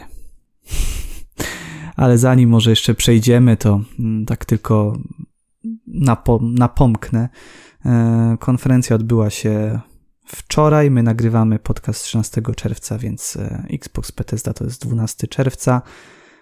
Całkiem sporo gier, mm, dużo też takich informacji na temat tego, co pojawi się w Game Passie w ciągu najbliższych 12 miesięcy. Zaraz oczywiście porozmawiamy sobie mm, o tych grach najważniejszych, e, bo chyba takim no, jasnym punktem mm, tej prezentacji był Starfield. No ale może najpierw odpowiedź, odpowiedzcie mi na to pytanie. Czy pan Kojima zmienia barwy? To nie, bo pan Kojima nie miał żadnych barw. To jest najemnik. Zrobi grę dla tego, kto mu zapłaci. No i teoretycznie robi też grę dla Sony. Tak, bo robi Death Stranding 2, ale robi też ekskluzywa na Xboxa, o którym się wczoraj dowiedzieliśmy. To ma być trochę mniejsza gra niż wszystkie jego gry i ma korzystać z feature'ów e, chmury Xboxowej. Ciekawe, kiedy zobaczymy jakiś materiał z tej gry w ogóle, żebyśmy mniej więcej wiedzieli, o czym w ogóle mówimy. Mhm. Tak spodziewam się, że w przyszłym roku dopiero. Jest możliwe. No, chyba, że już są jakieś takie zaawansowane prace już pierwszy zwiastun zobaczymy, nie wiem, na Gamescomie. Myślę, że nie. Myślę, no, że na No też, to jest taka opcja chyba najbardziej optymistyczna, ale no, w tym roku może być ciężko. No, ale śmieszy oburzenie fanów Sony, że jakich najjaśniejszy twórca yy, śmiał przejść do konkurencji.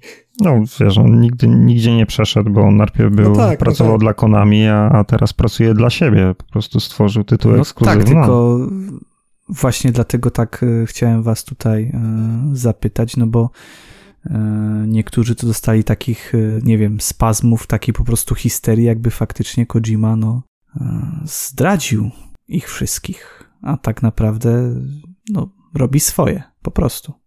To zastanawiam się, czy tak samo myśleli o tym, o Spider-Manie.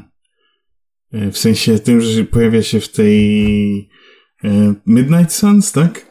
Że mhm. ma się pojawić i będzie dostępny na konkurencyjnych konsolach. Czy to znaczy, że e, Sony też zdradziło swoich fanów? Bo to, jest, to, to już dochodzi do takiej trochę psychozy. Zwłaszcza, że ja nie wiem, jak wy macie, ale mi się nigdy Kojima z PlayStation nie kojarzył. Kompletnie, nie? No właśnie, no, to też mnie dziwi. Trochę, no bo tego gry jednak były na konsolach Sony jako pierwsze i części była tylko na nich, jak Metal Gear Solid 4. Mm. No tak, tak, ale no to na tej samej zasadzie na PC Engine y, pierwszy Metal Gear był, tak? Drugi mhm. Metal Gear, y, ten, ta gra z pingwinkiem, którą uwielbiałem na Pegasusie, to, to była na, na tego, na NESa, nie? I on, Snatcher i tak dalej. No, mi osobiście Kojima nie kojarzył się nigdy E, z PlayStation, bardziej właśnie z Konami. I, i dziwne jakieś takie e, straszne przywiązanie do niego, zwłaszcza, że chyba Death Stranding jakoś fani PlayStation nie byli e, oszałamiająco zadowoleni z tej gry.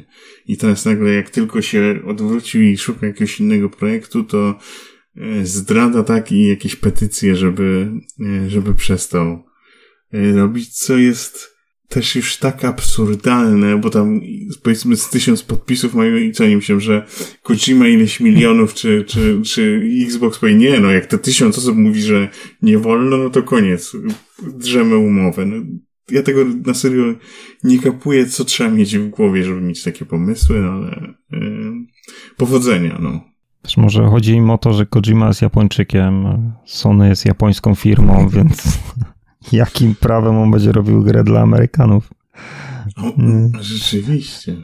Wiesz, to, jest, to chyba jest jedyne, co łączy Sony z Kojimą. Czyli jakby robił grę na Nintendo, to wszystko by było super. Tak. No to by było ciekawe. Kojima robiący grę dla Nintendo. Ekskluzywną. No może byłby ten pingwin jakiś powrót. O, w końcu, tak? Tam po 40 latach powraca Ping. No bo to chyba była jego pierwsza gra, nie? No coś takiego, tak, tak. Jakąś platformówkę mógłby zrobić, zaskoczyłby wszystkich. A może ten, ten jego nowy projekt, tak? Bo, bo, bo co, to ma być coś innego od tego, co wcześniej zrobił, więc może będzie szedł w jakąś taką dziwną stronę. E, platformówka z, po, z poziomami, e, które z chmury ci od innych ludzi kradną rzeczy na przykład i masz czyjeś zdjęcie albo screenshota i na jej, na jej bazie tworzy się poziom, w którym będziesz skakał. Mm. Nie wiadomo? Ale może być coś, coś ciekawego. Zwłaszcza, że y, pierw były te takie plotki, że to będzie ten duchowy spadkobierca PT, Silent Hills, tak? Ale chyba wychodzi na to, że to jednak nie będzie tego typu y, projekt. No, trochę martwi, że od razu tak zapowiadają, że to będzie jakaś taka mniejsza gra dla niego, no bo już wiadomo, tytuł dla Microsoftu, tytuł dla na na Xboxa to od razu musi być po prostu mała gra, gdzieś taka AA, która trafia od razu do Game Passa. Jednak no, myślałem, że jeżeli już przyciągną do siebie takie nazwiska jak Kojima, to będą chcieli stworzyć naprawdę duży projekt, no, z takim rozmachem. No, zobaczymy, co w ogóle z tego wyjdzie i Chyba, jaki to będzie gatunek. boją się, bo że boją mu się dać kasy, nie? No bo Death Stranding, no to jest taki trochę przerost formy nad treścią, nie? Tak, że tak. Na, na, na, za, na wydawał, wziął kasę od Sony, na, za, na jakichś swoich znajomych, przyjaciół, dał im rolę, tak Guillermo del Toro w grze się znajduje. Nawet Jeff Keighley jest przecież w Death mhm. Stranding. No, ale z, z drugiej może... strony, skoro robi teraz drugą część dla Sony, no to jednak te wyniki sprzedaży dla Sony musiały być zadowalające. Pewnie tak, chyba, chyba że Yy, że, albo ogólnie ta gra miała yy, być, mieć ten element połączenia graczy, jakoś takie, wydaje mi się, że trochę tak w stronę tej usługi miała iść, tak, że to miało być coś takie, takie przeżycie, więc może dwójka jeszcze bardziej powiąże się z tym, z tym takim projektem Taki tych bardziej aspekt żyjących większych gier, tak, tak, tak. Więc może, może w tą stronę pójdzie i dlatego Sony też chce jakby w to zainwestować. Zwłaszcza, że, ja nie wiem, no ale po zakończeniu jedynki Death Stranding nie są jakoś dwójki, nie wyobrażam. Ale to, to może tylko ja mam za, za słabe, za słabą wyobraźnię, tak? No, od Kojimy na pewno masz słabszą, bo to jest człowiek, który ma nieźle nasrane wełbie. No w teorii łączyliśmy w pierwszej części Amerykę, więc w innych grach możemy łączyć inne części świata chyba nie wiem, może dwójka będzie w Europie, czy coś w tym stylu. A, możliwe, możliwe. Chociaż e, ten, ten, e, jak on się nazywał, się wygadał. E, tak, bo to... Ten Norman Redus? Tak. tak, no, tak, tak, tak. No to zakładam, że powróci, tak? Więc to też było ciekawe, że tam wak o, wakacyjne przyrody, jak są przygody, te komedie różne, tak? Że sequel w Europie, wakacje Aha, w Europie, no, no, to może no, coś no, takiego. Z Chevy Chase'em. Tak, tak. tak. Nie no, może, może. No ale no, też mi się wydaje, że to chyba był ten taki... Może mam złe wrażenie, to był ten moment, w którym jakby ta, ta konferencja Microsoftu się jakby podniosła, tak? No bo pierwszy nam, nas zalewali tam trailerami, trailerami i nagle to była taka, wydaje mi się, taka duża bomba, która jakby rozkręciła tą e, drugą część konferencji. Przynajmniej ja takie odniosłem wrażenie, bo było to, potem nagle Persona, czyli coś, co, o co ludzie się od lat dopraszają, żeby w końcu e, ten już chyba kultowy, legendarny cyk się pojawił nagle, a trójka, czwórka, piątka w Game Passie. Jeszcze zapowiedź tego Wulong Fallen Dynasty, czyli e, jak na razie dla mnie gra numer jeden mm-hmm. ze wszystkich konferencji zapowiedzi, czyli e, jeżeli mam strzelać, to będzie Nioh, który dzieje się w e, Chinach epoki Trzech Królestw. Co... Wydaje mi się, że to może być bliżej Sekiro trochę. Taki vibe to miało. Właśnie e, trudno, e, trudno powiedzieć, tylko e, z tego co e, czytałem, to producent Bloodborne'a, tak? I, i właśnie producent Nioh są mhm. tymi, którzy grzebią przy tej grze, więc e, to może być ciekawe. E, no i w trailerze widzimy Lubu, czyli tego jakby największego BDS-a z tamtej epoki, więc może, może będzie lekko pod Sekiro, może, może właśnie będzie jakby rozwinięcie formuły Nio, ale i tak jakby wiąże z tą grą e, nadzieję, bo jak dotąd e, Team Ninja całkiem, całkiem spoko gry ostatnio robi takie, więc e, tutaj jeszcze jak mają nowy projekt i od razu ma się tak jakoś w przyszłym roku pojawić, no to e, ja z tym wiążę nadzieję. Zwłaszcza, że jakby Koei Temko to jest, e, to, to są jakby e, dwie epoki, w których oni siedzą, czyli Japonia średniowieczna i Chiny epoki Trzech Królestw. I to jest jakby ich domena, że tu mają tak natrzaskane, że pewnie nawet modele postaci mają już jakby jakieś szkice z innych swoich gier więc jestem ciekawy, jak to wypadnie. Bo no, jako e, tak mogę powiedzieć fan tej epoki e, chińskiej historii, jestem bardzo ciekawy, jak w to zostanie jakby wpleciony ten element fantastyczny, który już się pojawił w trailerze.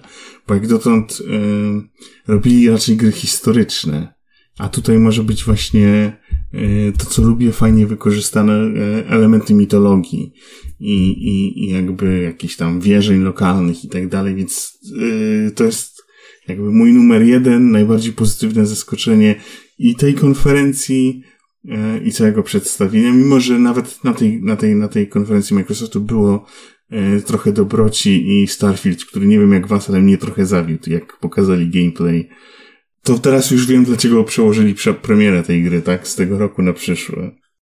Jest jeszcze Naraka. Blade Point. Też tytuł, który jest dosyć popularny na e, PC i on teraz wyląduje na konsolach. To jest taka sieciowa naparzanka, nie? Kojarzycie? Mhm.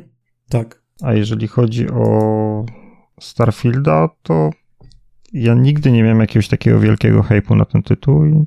Czy, czy się zawiodłem? nie wiem, no ja wciąż tak naprawdę no to, to, co widziałem, jakoś nie, nie sprawiło, że, że, że nagle stwierdziłem, że to może być zły tytuł, albo, albo że no, no to, to się nie uda, ale też nie mam jakiegoś takiego nastawienia, że kurde, ale to będzie petarda, jaki to będzie wielki hit. Wciąż jestem ciekawy, co tak naprawdę z tego wyjdzie. Też takie szumne zapowiedzi, tysiąc e, planet do eksploracji dostaniemy no, no, to jest ryzykowne. To jest ryzykowne. To, to trochę, troszeczkę tak jak 400 e, gier mm, w PlayStation Plus e, może się okazać taka zapowiedź. Zwłaszcza, że to mówił Todd Howard. It's, on nie jest, jest trochę... Mo, może gdzieś mu się to 1-0 smykło i no, może, zamiast, może. zamiast 100 powiedział tak. 1000. No ale no, kurde, no. O, oni w tym, w Elder Scrolls nie potrafią zrobić 10 różnych lochów. Mhm. Więc e, nie wierzę w tysiąc planet jakoś. Chyba, że to będzie właśnie na takiej zasadzie jak, jak lochy w Elder Scrolls, że każdy to będzie to samo, tylko po prostu trochę kolorów. Wydaje mi się, że oni strasznie długo pracują nad tym Starfieldem, a to, co obecnie mm, stało się z No Man's Sky, Mm, sprawiło, że ta gra już nie robi na graczach takiego dużego wrażenia, bo No Man's Sky obecnie wygląda fantastycznie i też daje olbrzymią swobodę w poruszaniu się. Ta gra się bardzo rozwinęła i teraz już nawet w sieci można znaleźć takie porównania mm, do tego, co widzieliśmy na mm, imprezie Microsoftu i do tego, co obecnie, jakie możliwości daje No Man's Sky. I też zdaje, wydaje mi się, że, że, że rozwój tej gry jakby sprawił, że Starfield już nie jest taką petardą, już tak nie, mm, nie pobudza naszej wyobraźni, jak jeszcze 2-3 y, lata temu, kiedy, kiedy mm, ta gra była tak szumnie zapowiadana, że to będzie coś niesamowitego, że akcja dziejąca się w kosmosie, y, o nieograniczonych możliwościach. No, praktycznie no, taki tytuł już mamy. Robert, a twoje jakieś tytuły, które zapamiętasz z tej konferencji? Diablo 4. To było świetne, Jezus. Mm -hmm. Zwiastun Nekromanty był bardzo klimatyczny. Myślę, że to jeden z fajniejszych e, zwiastunów Blizzarda od bardzo dawna. Mm, strasznie mnie podjarał do samej gry. Szczerze mówiąc, do końca nie wiedziałem, co to jest. Myślałem, że to jakiś inny e, hack and slash i tak sobie myślałem, jeśli mi powiedzą, że to jest Diablo 4, to uwierzę na słowo, ale to pewnie będzie coś innego, bo Diablo na konferencji Microsoftu, a tu jednak było Diablo. No i później wszedł gameplay, który wygląda no świetnie. Wi yy, widać, że wy wyciągnęli sporo wniosków z zwłaszcza stylistyki Diablo 3, bo to wygląda trochę jak połączenie mm, feelingu trójki z klimatem, który był w Diablo 2. No i to wygląda zjawiskowo. Nie wiem, czy ktoś chce, coś chce o Diablo powiedzieć? E, mnie trochę rozbawiło, jak opisywali te funkcje, e, nowe rzeczy, które się pojawiają w grze i po prostu wa walki z wielkimi bossami, tak, wydarzenia, e, randomowe eventy i to tak spoko, no graliście w Lostarkę i inne gry, które wyszły od czasu Diablo 3, to nie jest y, nic zaskakującego, że dodajecie to, co jest już standardem w gatunku, więc y, nie podobała mi się ta ich taka trochę udawana ekscytacja, y, jak pokazywali ten gameplay. I ja od razu jakoś boję się. Boję się, że władują tam milion mikropłatności. Bo e, pewnie jeszcze będziemy mówili o Diablo Immortal, ale po tym, co się wydarzyło z tą grą, e, mam zero zaufania. Ale Blizzard, wydaje mi więc... się, że oni zaprzeczyli już, że będą hardkorowe mikropłatności w czwórce. Jeśli już, to kosmetyczne. Tak, tylko że e, też zaprzeczyli, że dopuszczali się tych różnych e, rzeczy seksualnych, no, tak? No tak. Do, do momentu aż nie wyciekło, że się dopuszczali, więc e, obstawiam, że będą, będą gadali, gadali. No, Diablo 3 miało ten sklep aukcyjny mhm. na początku, tak? I dopiero jak było takie wielkie zamieszanie, z niego zrezygnowali, czyli on od, od dawna już próbują wyciskać pieniądze. I teraz boję się, że jeżeli Diablo Immortal przejdzie, z tym wszystkimi mikropłatnościami chyba, chyba przeszło, bo gra yy, całkiem dużo ma pobrań, yy, sporo kasy zarabiałem, to jak, jak nie od razu, to za jakiś czas będą tego, to wrzucą ile się da z tego do Diablo 4, co mnie strasznie martwi, bo to, no to jest możliwe. zniszczy. Bo Diablo... Dla mnie to zniszczy Diablo. Diablo 4 ma mieć trochę więcej elementów multikowych, trochę to już wjeżdża na rejony MMO, no więc tutaj jest takie pole do mm, wykorzystania w mikropłatnościach, ale sądzę, że je, jeżeli ktoś będzie chcia, e, chciał sobie pograć tylko dla singla, no to raczej tego nie będzie tak e, bardzo w inwazyjnym stopniu, co w Diablo Immortal. No bo to jednak jest płatna gra, więc oburzenie byłoby większe. No, Immortal jest grą, która z samego założenia miała opierać się na mikropłatnościach. To jest jednak darmowa gra mobilna, więc y, tam akurat to, że są te mikropłatności, no to, to, to nikogo nie dziwi. A Diablo 4 chyba będzie takim e, tytułem, którym e, Blizzard będzie chciał troszeczkę odbudować swoją reputację. Bo mhm. jeżeli nie Diablo 4, to, to co? Może nie tyle, że ufam Blizzardowi, bo to by było E, dosyć dziwne, ale, ale wierzę, że rzeczywiście tych mikropłatności nie będzie i nie, nie będą, jeżeli będą, to nie będą one mm, istotne, chociażby dla rozwoju postaci. E, ale jak jesteśmy przy Blizzardzie, to może jeszcze ten Overwatch 2, co sądziliście? Bo tego się nie spodziewałem jeszcze bardziej na, na konferencji Microsoftu. Zwłaszcza, że gra ma być chyba free to play na wszystkich tak. systemach, więc. No ale właściwie to wygląda jak jedynka. No dokładnie. To jest chyba gorsza wersja jedynki, tak? Bo z sześciu na sześciu zrobili pięciu na pięciu, tak? Więc e, zmniejszyli grę. I zrobili ją free to play jeszcze, co... Mhm. No. Tego nie, nie nazwałbym tego drugą częścią. No to jest taki mhm. patch, może sezon drugi, coś w tym stylu. Czasami się zdarza, że mm, był jakiś kiedyś taki nieudany tytuł, który później przeszedł e, w opcję free to play. Nie mówię akurat tutaj, e, że, że to jest nieudana gra, no bo produkcja, która e, przyciąga do siebie przez wiele lat graczy, ale no mniej więcej taki krok właśnie, że to tak naprawdę nie jest jakby druga część, jakiś kolejny etap rozwoju tej marki, tylko po prostu przejście na, na inny model finansowy.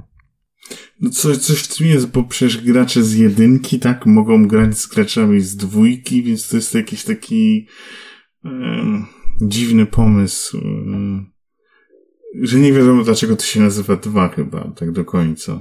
Bo też nie widać tego przeskoku jakby. Nie, nie. Jaki powinien być pomiędzy pierwszą a drugą częścią gry, no. Stylistycznie, jeżeli chodzi o oprawę graficzną, to to jest jeden do jednego to samo, co mieliśmy w, w poprzedniej odsłonie. A jaka jest taka gra, która najbardziej Wam się spodobała z całej e, imprezy mm, Xboxa? taki tytuł, albo dwa takie tytuły, nie wiem, pierwszy taki y, gier, które wcześniej znaliśmy, no to nie wiedzieliśmy, że mogą się ukazać, bo tutaj warto dodać, że wszystkie te produkcje, które były omawiane na imprezie Microsoftu, to są gry, które mają się ukazać y, w przeciągu najbliższych 12 miesięcy, czyli tak do końca pierwszej połowy 2023 roku. No nie licząc tej zapowiedzi gry Hideo Kojimy. No Skorn, nie? Żeby w końcu wyszedł, bo jest naprawdę no bardzo tak, Korn, żeby w końcu wyszedł, to ma wyjść chyba w październiku, tak? Już jest zapowiedziana data premiery. Tak, tak, tak, tylko no, że, wiesz, nie uwierzę, dopóki nie zobaczę go na moim Ale jarasz się chyba. tym tytułem? Tak robi, robi na, na, tobie jakieś takie duże wrażenie? Znaczy już hype trochę spadł, no bo wiesz, jakby, no ileż można mhm. czekać. Mm, ale tak, ja w to chętnie zagram. To od, pierwszego zwiastuna mnie to kupiło, tylko no czemu tak długo? Tak samo jak czekam na Atomic Heart, e, też już parę lat i jakoś tak to wyjść nie No chce, ale nie? chyba już, bo na tej konferencji co prawda nie było żadnego zwiastunu Atomic Heart, tak pokazali w mhm. pewnym momencie tabelkę i tam już była mm, rok przynajmniej premiery Atomic Heart. No, e, to nie wiem, to może Robert jeszcze jakieś dwa tytuły. No, Diablo już powiedziałem. To jest chyba mój mhm. ulubiony tytuł z tej konferencji. A coś, czego się nie spodziewałeś, że w ogóle będzie na tej imprezie? Coś, czego się nie spodziewałem, no to Minecraft Legends.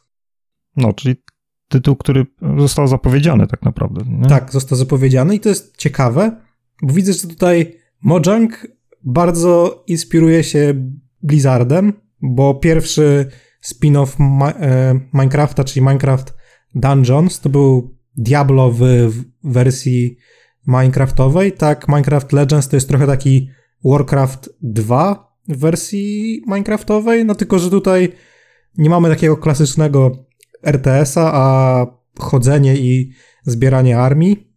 Wygląda całkiem ciekawie. Myślę, że może z tego wyjść dobra gra, bo dungeonsy też były fajne. Zwłaszcza jeśli się grało w kooperacji z kimś młodszym, no to to była bardzo dobra propo y, propozycja do pogrania dla takich osób, które jeszcze nie mogą grać w Diablo, no bo wi wiadomo, krew, flaki, demony, ale chcą zaznać tego hack and slashowego feelingu, no to tutaj będzie taki feeling tylko, że dla RTS-ów w stylu Warcrafta. A co myślicie o tej grze? Ona była na samym początku High on Life. Słodkie to słodkie, było. Słodkie, ale to jest zabawne. Taka no tak. kooperacja. Właśnie przypomniałeś mi o tym Rickiem i Mortim. Tak, tak, tak. Tam broń mówi, e, mówi głosem mm, Mortiego, nie? Mhm. High on Life, tak. tak. tak. No i, i to, to szczerze mówiąc jest taki tytuł, który zrobił na mnie bardzo pozytywne wrażenie. Taka no, oryginalna, y, kolorowa szczelanka.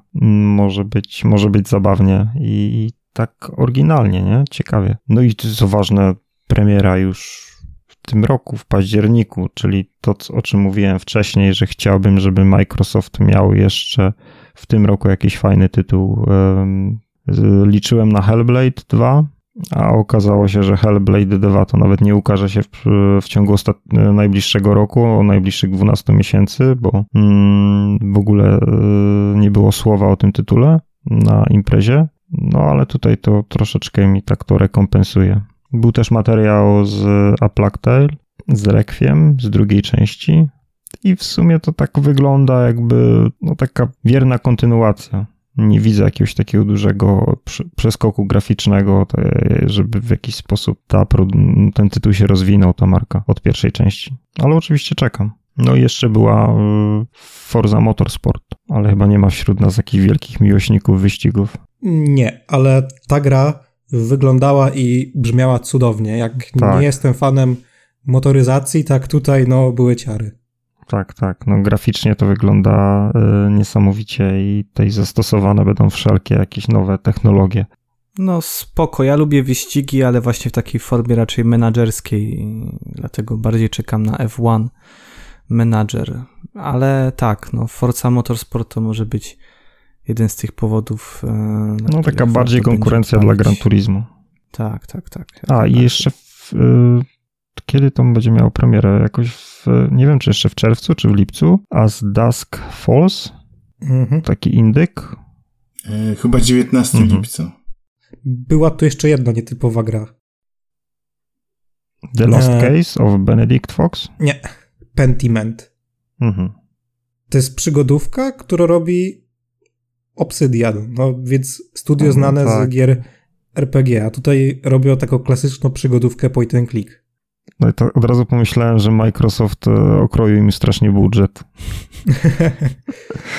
Bo to jest taki indyk Chyba e, raczej, nie, którego bym się nie spodziewał w tym Oni studiu. jednocześnie robią e, to Avowed, Mhm. nie wiem jak to się czyta, więc to jest taki trochę The Elder Scrollsy, tylko że w świecie Tak, tak. Pillars of No to jest taka Eternity. produkcja robiona po godzinach.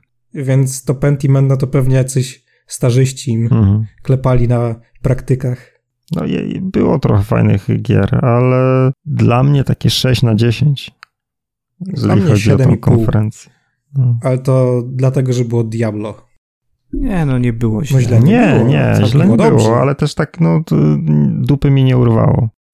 No nie było wiel wielkiego wow, ale to pewnie z tego powodu, że się Mhm. skupili na grach, które mają wyjść w przeciągu kolejnych 12 Tak. miesięcy. Jakby Mhm. skupili się na czymś więcej, no to pewnie by były jakieś większe tytuły. Ale myślę, że taka forma była i tak fajna.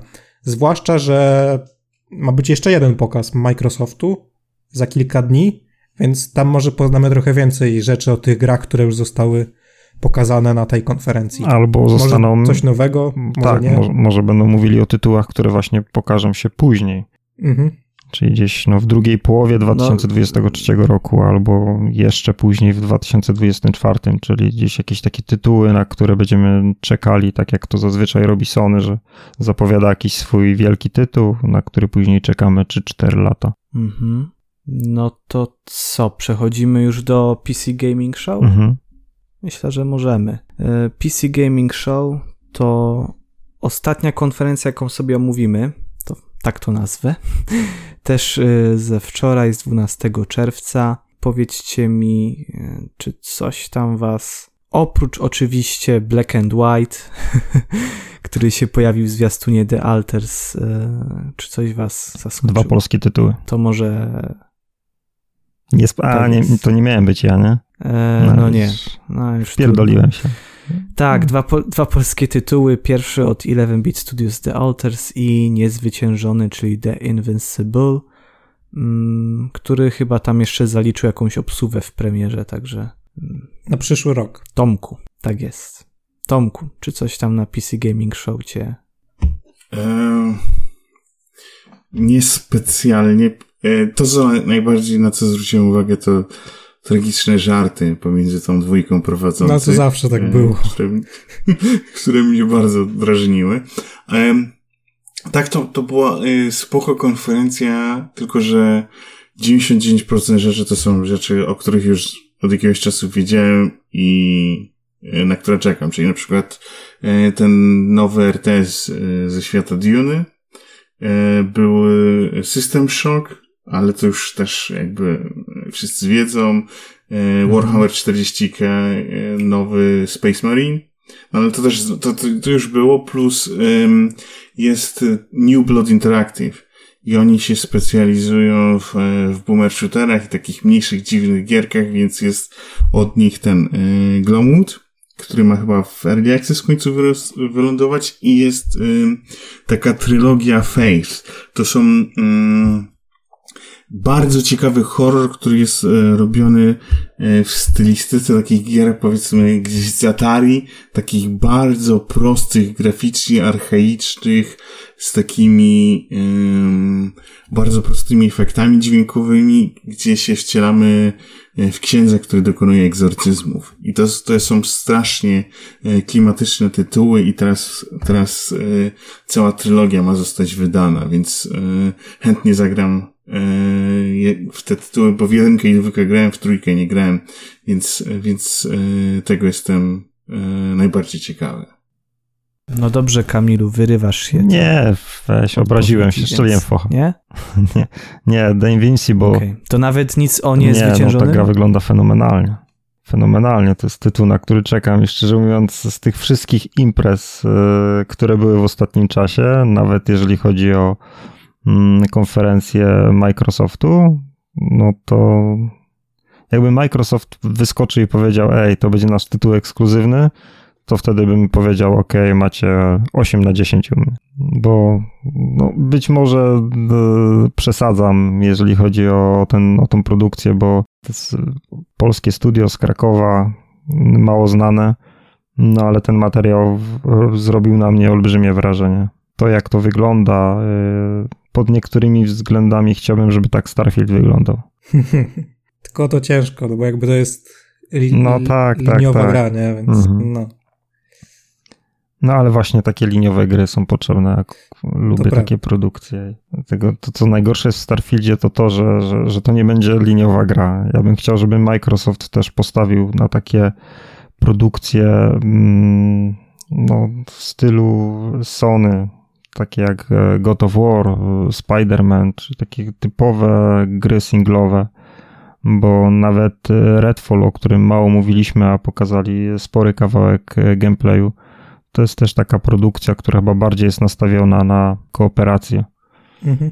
Wiadomo, będzie można ją przechodzić samemu, ale, ale też będzie, no jest chyba głównie nastawiona na, na, na, na współpracę. No bo to jest trochę taki Left 4 Dead, tylko że z wampirami. Tak, tak. No i od studia Arkane, czyli twórców mhm. Dishonored na przykład. No i właśnie szkoda, że nie zrobili trzeciej części.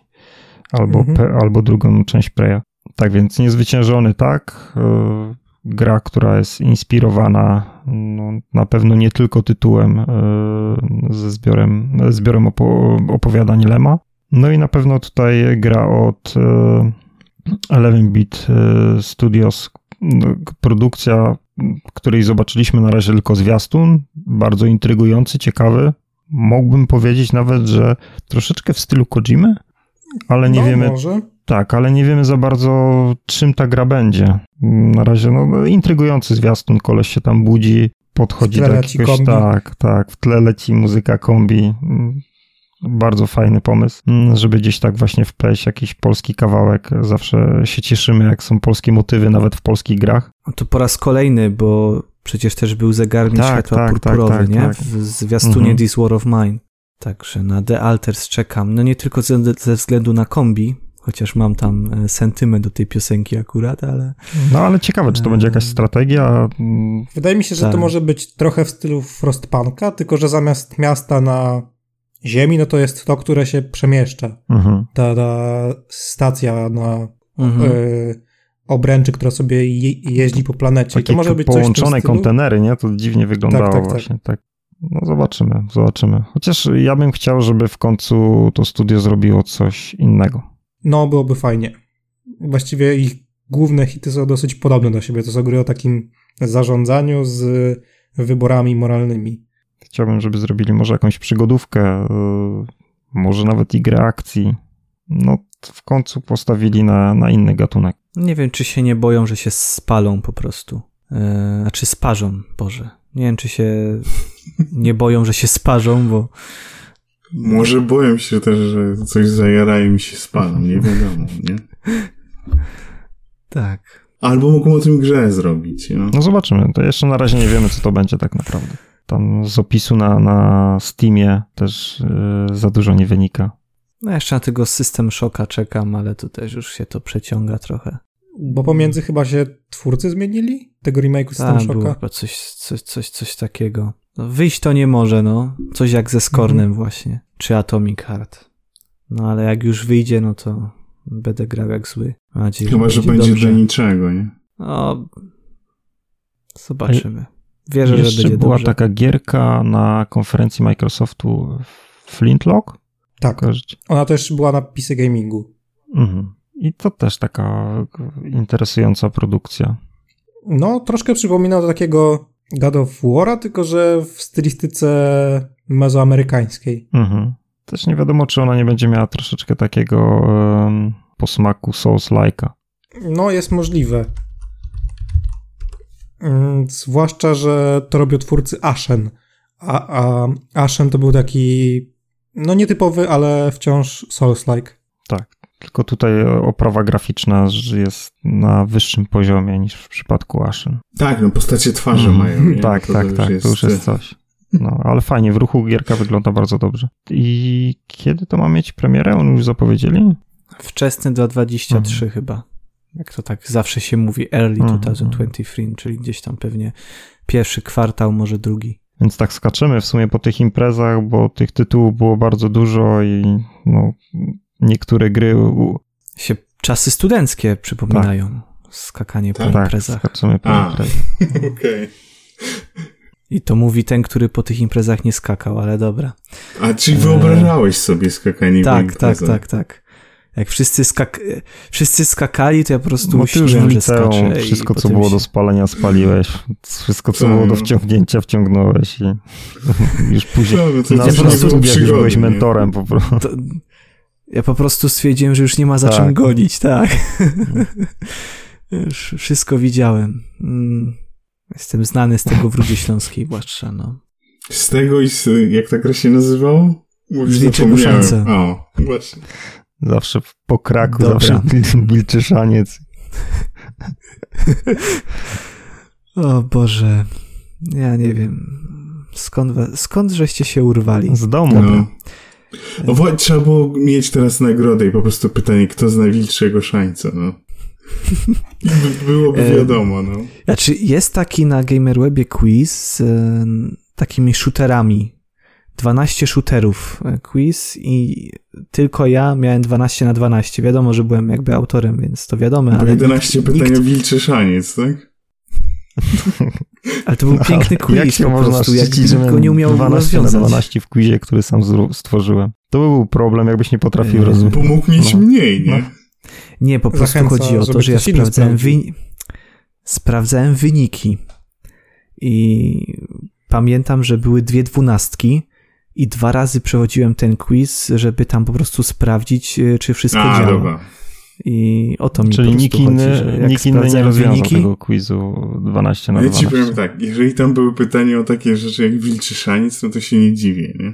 Tam Co był tam? chyba terrorist takedown wojna w Kolumbii, No. także Ludzie tam, dobra, będzie coś o Quake'u, o Dumie, a tu... Przy rozwiązywaniu e, nikt nie oszukiwał i nikt nie zaglądał do, w Google. no tak, chociaż tyle.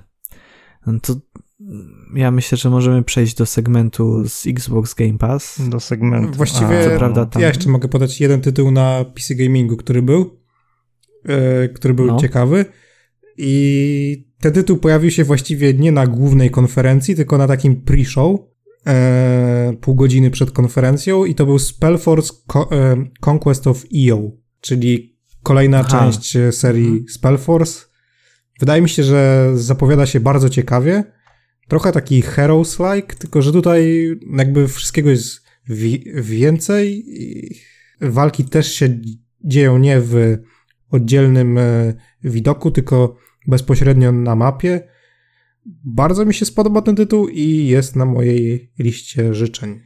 Chociaż za poprzednimi częściami Spellforce jakoś nie miałem e, zbyt długiego kontaktu. Właściwie chyba tylko w dwójkę grałem przez chwilę. No dobra. Myślę, że możemy przejść do mm, co tam panie w Game Passie. A tam niezbyt wiele na ten moment. Może znając nasze szczęście, e, rozpiska zaktualizowana się pojawi akurat w momencie montażu Nie odcinka. no, całkiem spoko jest E. ten Game Pass.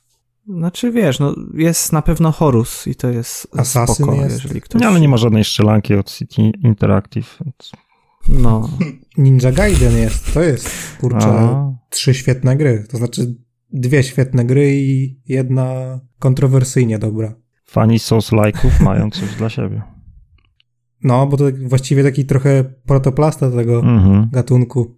I co tam jeszcze, panie, było w tym Game Passie? Przypomnij mi, bo nie pamiętam. no nie, no to E, Nie ma tego i... Asasyna?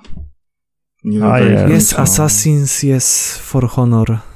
Mm, No i Horus. y, O, ja się z Horusa cieszę, bo Horus to jest taka spoko. gierka, którą chciałem przetestować, a na którą szkoda mi było kasy. Tak, to jest nawet lepsze, lepiej mi się tam strzelało niż Star Wars Squadrons. No, zdecydowanie. A historia, historia też jest taka nawet ok. Kierujemy protagonistką, ona chyba się nazywa Nara. E, także Nara. I ona chce, ona była w jakimś tam kulcie i ona stwierdza, że teraz e, z tego kultu się wypisze i walczy przeciwko nim. Także taka. To się wszystko łączy z Top Gunem, bo ona tutaj walczy 50 lat później mhm. z Tomem Cruzem, który jest Scientologiem i ona po prostu z tego kultu chciała się wypisać i akcja przenosi się do kosmosu. A no tak, bo Tom Cruise chyba chce film w kosmosie też nakręcić. Tak, chce. Pierwszy, czy coś takiego. To wszystko jest Tak, tak, Kasjan w ogóle tych, tych zależności tutaj nie, nie dostrzegł. A oglądaliście Top Gun? Mm, tak płynnie przychodząc z Game Passa. I nie wiem, czy obejrzę, bo ostatnio, to znaczy pierwszą, czyli jedyną przed tym, oglądałem 12 lat temu i prawie nic z tego nie pamiętam, więc jakoś mnie nie ciągnie do dwójki. No to sobie odśwież jedynkę. Ja, ja bo odświeżałem sobie jakiś czas temu, może z 2-3 lata temu. Mi się wydaje, że ja to oglądałem na Netflixie. Ale wszyscy się tak zachwycają tym filmem. Nie, nie spotkałem chyba żadnej jakiejś takiej e, krytycznej opinii, która by nie była prowokacją, że nie mam ochoty go obejrzeć przez to. Boję się, że po prostu. Wszyscy się stali tymi scjentologami. Tak, tak. Ja ostatnio mam pecha, bo jak ja coś oceniam wysoko, to wszyscy mówią, że to jest kiepskie. Jak, ja, jak wszyscy się zachwycają, to ja podchodzę do tego zupełnie inaczej i twierdzę, że to jest przeciętne. Więc boję się z Morbiusem obejrzeć. tylko było inaczej. To tylko, tylko z Morbiusem było inaczej. Ale Morbiusa na małym ekranie sobie ostatnio obejrzałem. Stwierdziłem, że może, może jak obejrzę e, sobie na telewizorze, to, to mi się spodoba, ale nie jest jeszcze bardziej jest jeszcze gorszy niż w kinie. Morbius teraz w ogóle dostał drugie życie, bo ta, ten, ten film jest tak, tak. bardzo w memach mhm. rozpowszechniony. Powrócił do kina. Widzisz, opłaca się być kiepskim filmem. Tak. Ale no fajnie, no stwierdzili, że w sumie zarobią jeszcze na tym trochę kasy. Tutaj nawet e, ten aktor grający główną rolę też w mediach społecznościowych uczestniczy w, i dziś nawet tam wrzucał tweety związane z tym, że, że Morbius powraca. Szanuję za podchodzenie do tematu z dystansem.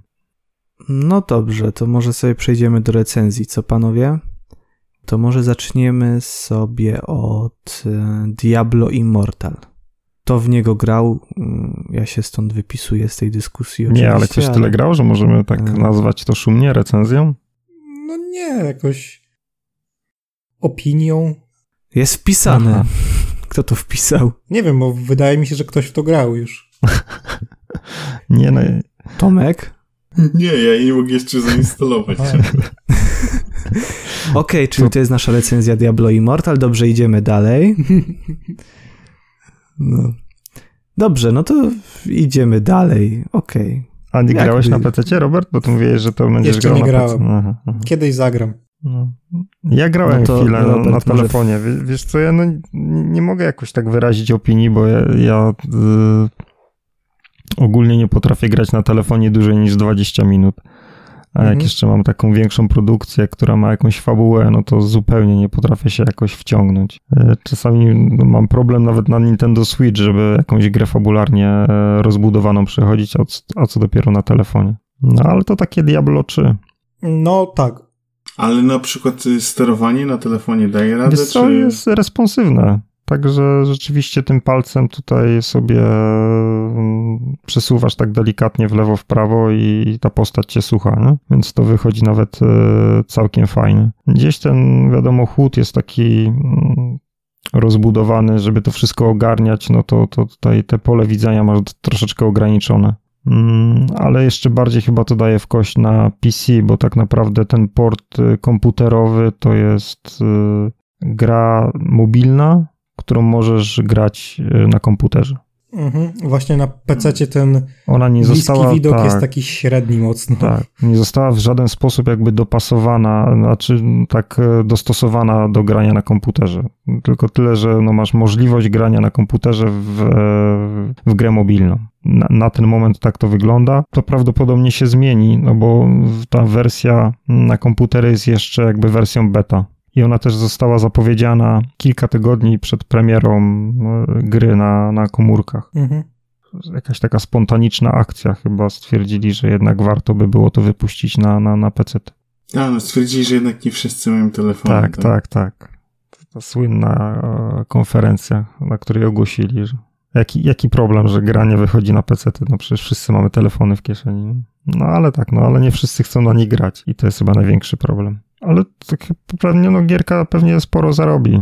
Mhm. Z tego co słyszałem, to w tę grę da się spokojnie sobie pograć i przejść kampanię, tak dojść do 30 któregoś poziomu, ale później jak już się przejdzie kampanię i chce się wejść w takie takie szersze mm, granie, jakieś takie endgame, kompetywne, nie? no to się u, uruchamia paywall i żeby coś osiągnąć, to trzeba płacić. No i w sumie no, nie, nie ma co się dziwić, no to jest gra mhm. za darmo. No tak. Więc no. Ale przynajmniej da się przejść kampanię, mhm. więc to i tak jest całkiem spoko. No, a graficznie trochę taki uboższy. No, ja grałem e, w Diablo 3 na PlayStation 4, czyli już tą taką ulepszoną wersję. Mm, no tutaj wygląda to troszeczkę gorzej, no wiadomo, na komórce.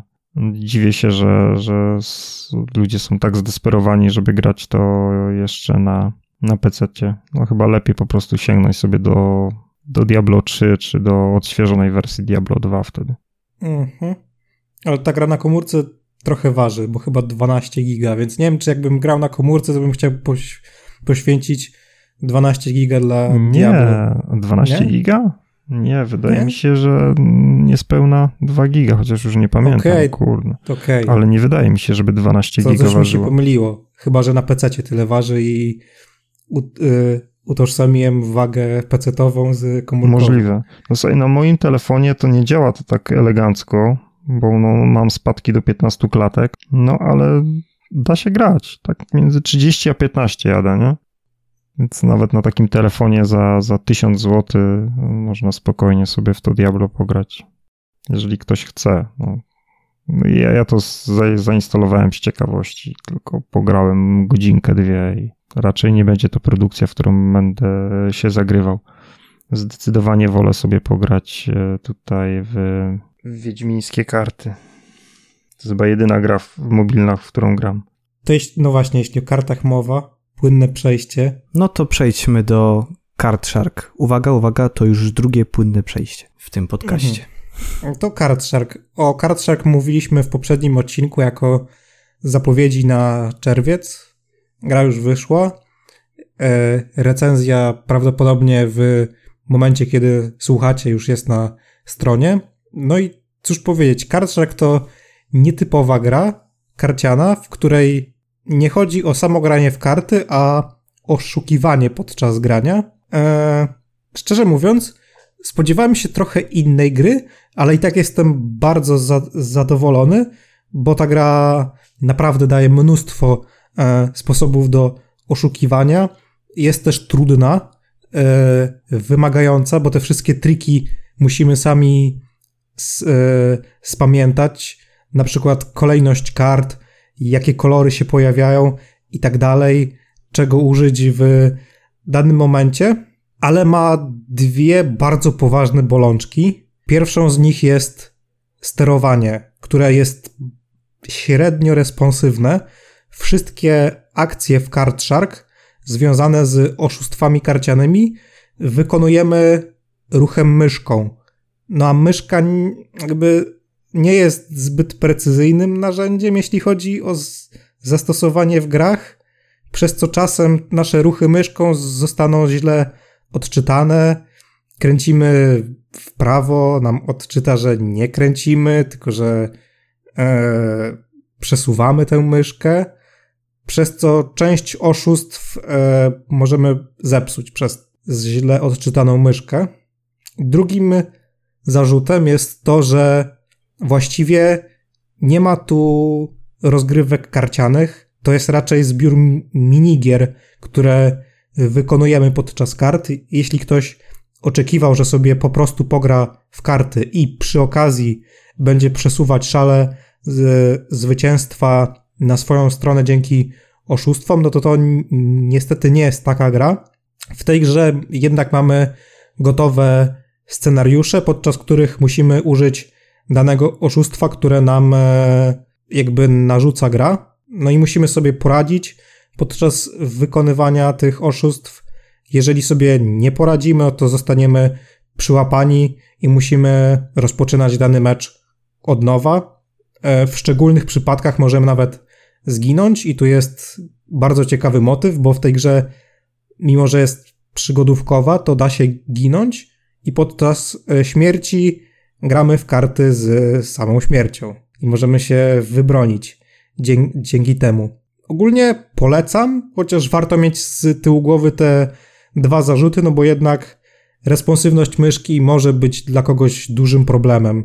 Ja też nie grałem na jakiejś super myszce, bo moja myszka to jest taka zwykła myszka za 40 zł, a nie jakiś gamingowy sprzęt, ale słyszałem też opinie na Steamie, że ludzie też na to narzekają, więc to chyba nie jest moja wina, tylko wina gry.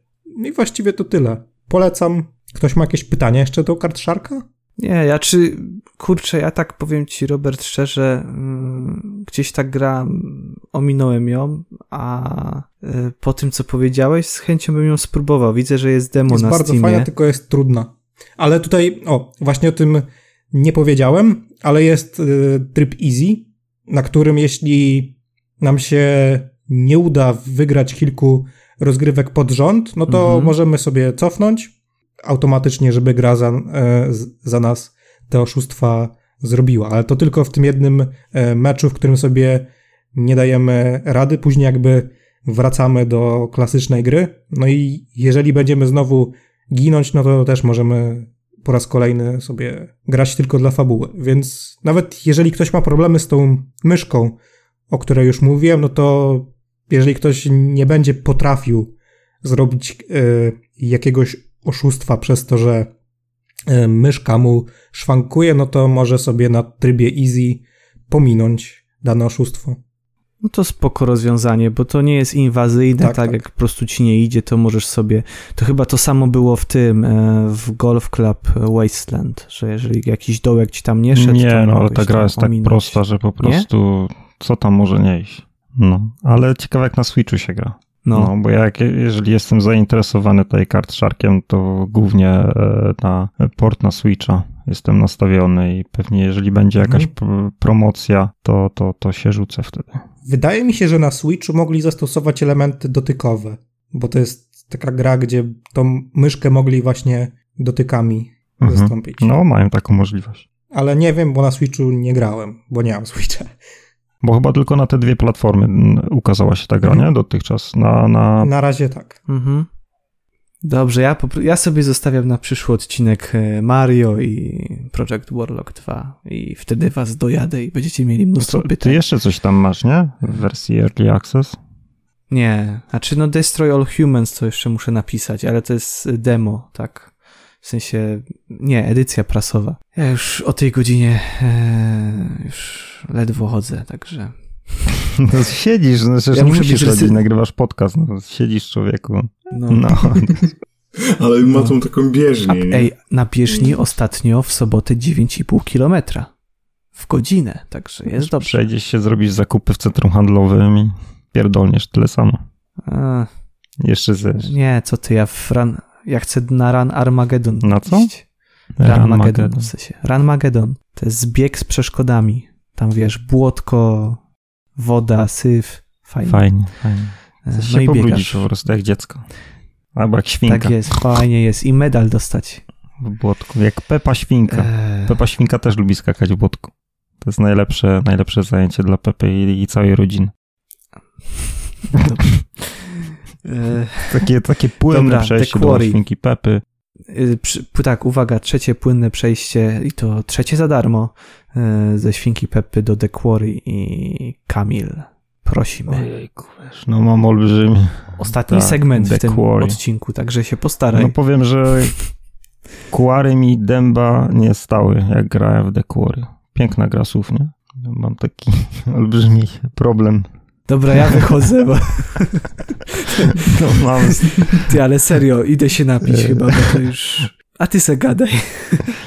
No mam z tym tytułem olbrzymi problem, bo mm, znam już pozytywne opinie innych redakcji, czy to polskich, czy też zagranicznych, E, oczywiście nie, nie wszyscy recenzenci chwieją z zachwytu, ale jednak zdecydowana większość mówi, że mówi o najlepszym horrorze od Supermassive Studio. Mm, brytyjską ekipę znam, lubię jej wcześniejsze produkcje, szczególnie mm, Until Dawn, ale w przypadku The Quarry mam mieszane uczucia. To tak naprawdę nie jest nawet horror, bo gra z wielu powodów e, nie jest straszna ale tak od początku, tak w bardzo ogólnym e, zarysie zdradzę o co tak w ogóle chodzi, no bo jednak e, jest to bardziej interaktywny film niż gra, więc odkrywanie historii jest praktycznie e, jedynym sensem, by po nim sięgnąć.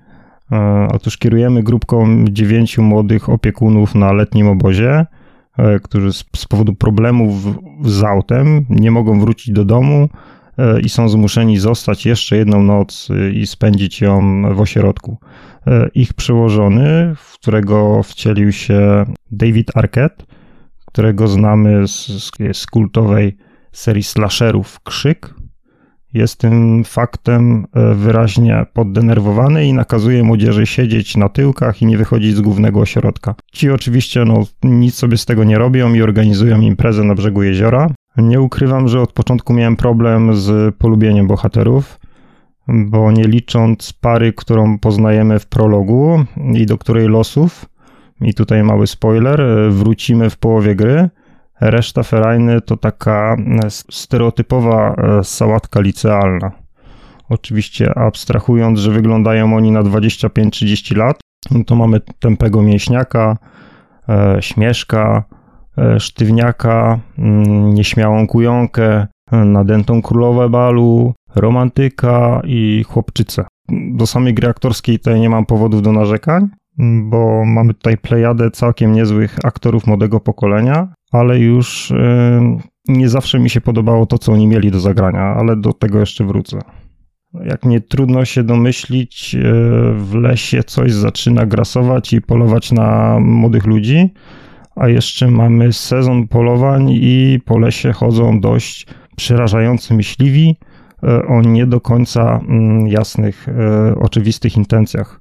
Oczywiście, jako gracz nie będący ćwierć mózgiem, bardzo szybko mm, domyślamy się intencji e, tych polujących, ale bohaterowie mają z tym problem, więc często w trakcie gry zmuszani jesteśmy podejmować decyzje jakby wbrew e, logice. No ale w końcu to slasher. E, gdyby bohaterowie mm, byli inteligentni, to gra skończyłaby się po 30 minutach.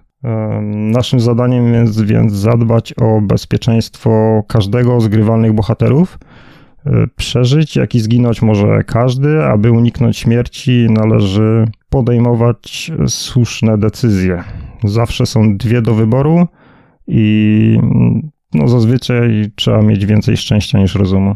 Y, kolejny element to sekwencje click time eventów, które są tak prostackie, że gry od Telltale y, przy nich to Souls-like gatunku interaktywnych przygodówek przechylamy gałkę analogową w odpowiednim kierunku lub maszujemy A na kontrolerze w przypadku Xboxa, a w przypadku PlayStation dusimy X, a, a jeszcze mamy mechanikę wstrzymywania oddechów.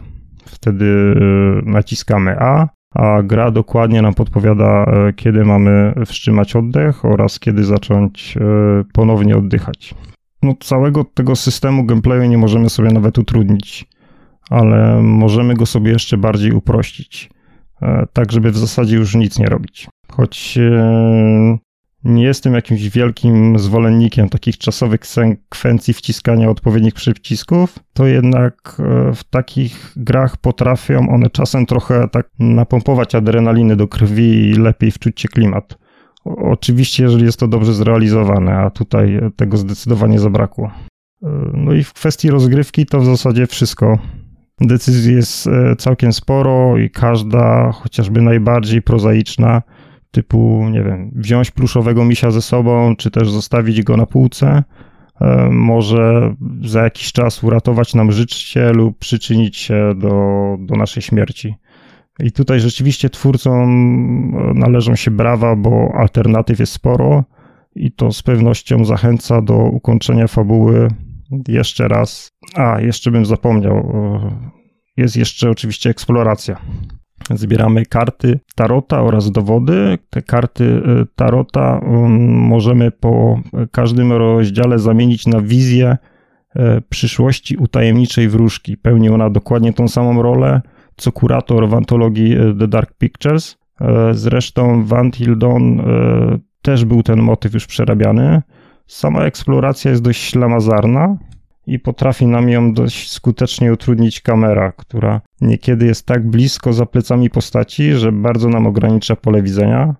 Szkoda również, że opcja nieco szybszego chodu nie działa tak jak powinna i na przykład e, kiedy wchodzimy po schodach, no to wtedy nasza postać znowu porusza się e, wolno. No, taka niby mała pierdoła, ale strasznie irytuje. Z rzeczy, które najbardziej mi mm, w Dekwory przeszkadzały, to E, reakcje postaci, które są totalnie nieadekwatne do sytuacji. Ciężko mi to wytłumaczyć gatunkiem, który zakorzeniony jest w filmach klasy B. E, często u bohaterów brakuje mi takiego przerażenia, strachu, e, co budowałoby klimat. Bohaterowie szybko godzą się i dostosowują do otaczającej ich rzeczywistości. Cierpienie przyjaciół szybko im powszednieje, E, i nawet gdzieś w obliczu takiej czyhającej zewsząd śmierci wciąż skupiają się na rzeczach prozaicznych i nie wychodzą ze swoich ról nadanych im przez twórców już na samym początku. Z jednej strony wszystko jest śmiertelnie poważne, z drugiej zupełnie pozbawione autentyczności, bo sprawia to, że Dekwory gdzieś ten mroczny klimat i rewelacyjna oprawa mm, w ogóle nie straszy. Jak wiem, że dla wielu kicz jest takim argumentem przejawiającym na korzyść, yy, no bo w końcu to slasher, tylko że ja tego nie czuję. Yy, nie w ten sposób powinno być to zrealizowane. No, w Until Dawn działało to o wiele lepiej. Yy, zresztą to takich głupostek w grze jest o wiele więcej. To ja może mam takie pytanie, czy, bo wspominasz o tych, że mamy te dwa wybory i tak dalej. Czy jak grałeś, wydawało ci się, że są one jakby w miarę uczciwe, czy miałeś takie zdarzenie, że, wrażenie, że na przykład niektóre były totalnie bzdurne, bo mnie to na przykład potrafi wkurzyć, że jakaś nielogiczna pierdoła na przykład doprowadza do mojej śmierci i nie miałem żadnej możliwości yy, wiedzieć, że, że to będzie zły wybór. Jakby nie miało to nic wspólnego z tym, co się działo wcześniej, albo z tym, co powinno dziać się później. Czy tak tutaj nie, jest? Czy... Nie, nie jest uczciwe. Jest mnóstwo właśnie takich bzdurnych, że niby tych scenariuszy i mm, możliwości ukończenia historii jest e, całkiem sporo. I gdzieś później, no, e, chcesz jakby zagrać jeszcze raz, żeby sprawdzić jakiś inny scenariusz. Bo ta historia jest dosyć rozbudowana i może, może się potoczyć zupełnie inaczej. Mm -hmm ale no, te wybory są e, czasami idiotyczne, a nawet jeżeli nie są idiotyczne, to to, co wydawałoby się jakby bardziej logiczne, bardziej e, jakby dawało większą szansę na to, żeby sprawić, że twoja postać będzie mm, bezpieczna, to działa w drugą stronę, że nagle no, po prostu zupełnie wbrew logice. No, albo masz takie bzdurne na przykład, Aha. nie wiem, stoisz na brzegu i masz wybór popłyń, albo zostań na brzegu równie dobrze stojąc na brzegu może coś cię zaatakować, lub jeżeli popłyniesz na drugą stronę, to też cię coś może zaatakować. No ale tylko jedna decyzja sprawi, że przeżyjesz. No ale no, to jest przypadkowość zupełnie, nie? Więc no, mhm. trzeba właśnie o tym, co mówiłem, że wielu podejmując decyzje, bardzo często trzeba mieć jakby więcej szczęścia niż rozumu. Że z jednej strony masz te sekwencje e, quick time eventów, one są zupełnie takie banalne, wręcz prostackie, czego nie było w Until Dawn, gdzie, gdzie, gdzie czy, czy, rzeczywiście łatwo się było gdzieś potknąć, pomylić, no bo kurde, wiesz, musiałeś tutaj mieć dobrze to opanowane na padzie, trzeba było mieć odpowiedni ten timing, takie wyczucie czasu, żeby kliknąć w odpowiednim momencie. Tutaj jakby tego brakuje, no tylko masz tylko, wiesz, przechyl gałkę w lewo, w prawo, w dół, w lewo i za chwilę duś na A. I to jest, to jest wszystko. To jest wszystko, jeżeli chodzi o quick time eventy. I, a jedyną taką utrudniającą ci, że jakby żeby nie było zbyt banalnie, no to jest to, że masz bzdurne, bzdurne decyzje. I ten wybór jest bardzo taki ograniczony. W The Dark Pictures, z tego co pamiętam, to jeszcze na przykład te też były do wyboru dwie opcje, ale też była jeszcze trzecia opcja, że mogłeś po prostu nic nie powiedzieć albo niczego nie wybrać. I ona też zupełnie inaczej jakby sprawiała, że inaczej się budowało relacje z, z innymi postaciami. Tutaj tego nie ma. Musisz podjąć decyzję albo A, albo B. I czasami jakby mają one takie konsekwencje nielogiczne. Zresztą w tej grze jest wiele takich absurdów i nielogicznych rzeczy. No, Jasne, jasne. no dajmy na to, to w jaki sposób zachowują się postacie. E, Chłopak ma, wiesz, roz, rozpieprzoną nogę, po prostu, wiesz, flaki, e, ten mięso na wierzchu, a kobieta, pod, dziewczyna podchodzi do niego, jego dziewczyna i się go pyta, boli cię? No, wiesz, no, ja wiem, że to jest slasher, no ale kurwa, to jest tak idiotyczne pytanie. Albo z kolei jest koleś, który ma odciętą dłoń piłą mechaniczną i on przez 3 czwarte gry chodzi bez tej ręki normalnie, tak jakby po prostu no nie ma ręki. Śmieją się z tego, żartuje, że będzie miał hak. On nawet nie miał, wiesz, zwykła szmatka, to jest ten opatrunek i krew mu się nie leje i dziewczyna nagle mówi, no tutaj masz czystą tą ranę, ale chyba będziesz musiał iść do lekarza. Tak jakby się skaleczył w palec, no kurwa koleś nie ma dłoni, kobieto, nie? Okej. I gdzieś tak y, nawet oni, relacje, jakie mają między sobą ci bohaterowie, to jakby oni nie zwracają uwagi, co się tak naprawdę wokół nich dzieje. Jakby te ich, nie wiem, letnie miłostki były czasami ważniejsze, za chwilę coś może wylecieć i po prostu odjebać ci głowę. I, ale to tak naprawdę jest nieistotne. Najważniejsze jest to, że dziewczyna zraniła moje serce i, i czuję się z tym źle. No je, jest slasher, nie? No to rozumiem, że ma być kicz, ma być tandeta, ale tutaj e, jest e, to tak zrobione na poważnie, że ja tego nie kupuję. Dla mnie to po prostu nie jest kicz, to jest głupota. I, i czuję, że twórcy robią ze mnie idiotę, a, a nie, że sprzedają mi horror klasy B e, i ja mam się tym kiczem i tymi głupostkami po prostu, nie wiem, delektować, bo, bo, to, bo tak powinno być. No ja tego nie kupuję. Van Hill Dawn miało to troszeczkę inny wymiar. Też ci bohaterowie byli często bardziej przerażeni. Jeżeli coś się dzieje, no to dziewczyna wpada w panikę, drzeryja po prostu piszczy i, i, i spierdala. A tutaj w The Quarry jest często tak, że oni podchodzą do tych rzeczy e, wtedy, kiedy nie powinni, zbyt racjonalnie. Tak jak no, przed chwilą umiera twój przyjaciel, kolega, na twoich oczach, a, a za chwilę po prostu przechodzisz jakby do innych rzeczy na porządku dziennym i sobie chodzisz z innymi, sobie żartujesz, wiesz, rozmawiasz sobie. No jest mnóstwo takich absurdów, które w tej grze mi przeszkadzały. O ile też można w ogóle nazwać grą. To jest rozgrywka gdzieś tak na 8 godzin. Pierwsze takie przejście. No ale jest jeszcze tryb współpracy, którego nie testowałem. Jasne. Czyli... Także możesz wybrać jedną z postaci, wybierasz sobie i grasz sobie z kimś, ale nie wiem na, do końca na czym to polega. Mhm. Jest jeszcze tryb filmowy, gdzie nie grasz, tylko oglądasz, ale możesz sobie wybrać jakby gotowy scenariusz. Typu wszyscy mają przeżyć, wszyscy mogą zginąć, albo wybierasz sobie kto ma przeżyć, kto ma zginąć i wtedy gra idzie sobie tym, gra. Oglądasz sobie film, który idzie według tego scenariusza. Nie? Jasne, jasne. Czyli w teorii nie, żebym polecał. Jeżeli ktoś Tak, bardzo by chciał, tak. po prostu może na YouTubie obejrzeć, tak? Nawet nie musi No i co, kupować co ważne, tytułu. ten, to nie jest horror właśnie, bo ta gra nie jest w ogóle straszna. Jak e, lubię horrory, ale też jestem osobą strachliwą i są takie produkcje, których się boję. Na przykład nie lubię oglądać e, jakichś takich strasznych horrorów e, sam w nocy.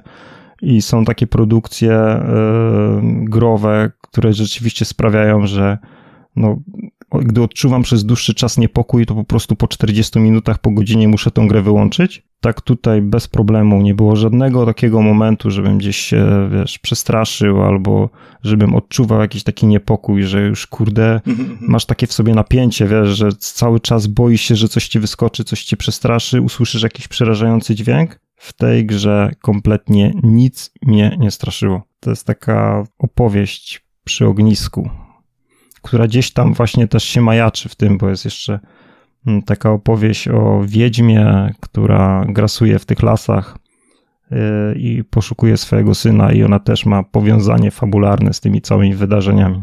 Tam nie, nie będę zdradzał, bo jeżeli ktoś w to będzie grał, to jakie to są potwory, bo to też nie jest do końca takie oczywiste na samym początku, ale później się okazuje, że to z tych, z tych popularniejszych potworów, które mogą nas zaatakować w lesie, to, no to atakują właśnie w Quarry. Chociaż wyglądają... Mm. Okej, okay, czyli e, ogólnie chyba... No to zdradzę, no wilkołaki po prostu, nie? Y... Wilkołaki bez sierści, co ciekawe, nie? One są... Okay. Jakby ktoś ci pokazał tego potwora, to byś nigdy nie powiedział, że to jest wilkołak. Dopiero później musisz się po prostu dowiedzieć, że to jest wilkołak, no bo zamieniasz się w niego, kiedy jest pełnia księżyca. No i też taki hmm. właśnie motyw e, typu, że ratunkiem dla ciebie jest na przykład, jeżeli ugryzie cię wilkołak inny, no to musisz e, odciąć tą kończynę, nie? którą zostałeś ugryziony i to wtedy sprawi, że nie zamienisz się wilkołaka. Koleś ma odciętą dłoń, bo, bo ugryzł go wilkołak, a później, kilka rozdziałów później, yy, ugryzł go wilkołak w drugą dłoń i już nikt nie pomyślał o tym, że też mu trzeba ją odrąbać. Ale też nikt nie mówi na przykład, no bo wiesz, głupie by było, żeby nie miał jednej i drugiej ręki, nie? Ale też nikt nie mówi o tym, ej, ten typ zaraz się zamieni w wilkołaka, nie? Został mm. ugryziony i o tym wątku już w ogóle zapomnieli, nie? Tą, tej ręki się pozbyli, a, a drugą mu zostawili. Więc takich właśnie absurdów jest, jest w tej grze dosyć, dosyć dużo. Ale jeżeli chodzi o takie, wiesz, same widowisko, takie bezmózgie oglądanie, że oglądasz to albo grasz bezrefleksyjnie, to, to może sprawiać przyjemność. Ja nawet oceniłem to wysoko, jako 7 na 10, bo w gruncie rzeczy mi się to podobało. Jest tam wiele takich głupostek, no, no gameplayowo, no to to jest prostactwo. Można to obejrzeć, bo to jest, bo to jest bardzo ładne, też graficznie świetnie zrobione. Animacje postaci przede wszystkim wyglądają rewelacyjnie, bo to zresztą wiesz dobrze, jak w produkcjach tego studia to wygląda. Tak, i tutaj chyba jest jeszcze no wyższy no tak, poziom. Jest kilka postaci, które są rzeczywiście fajne.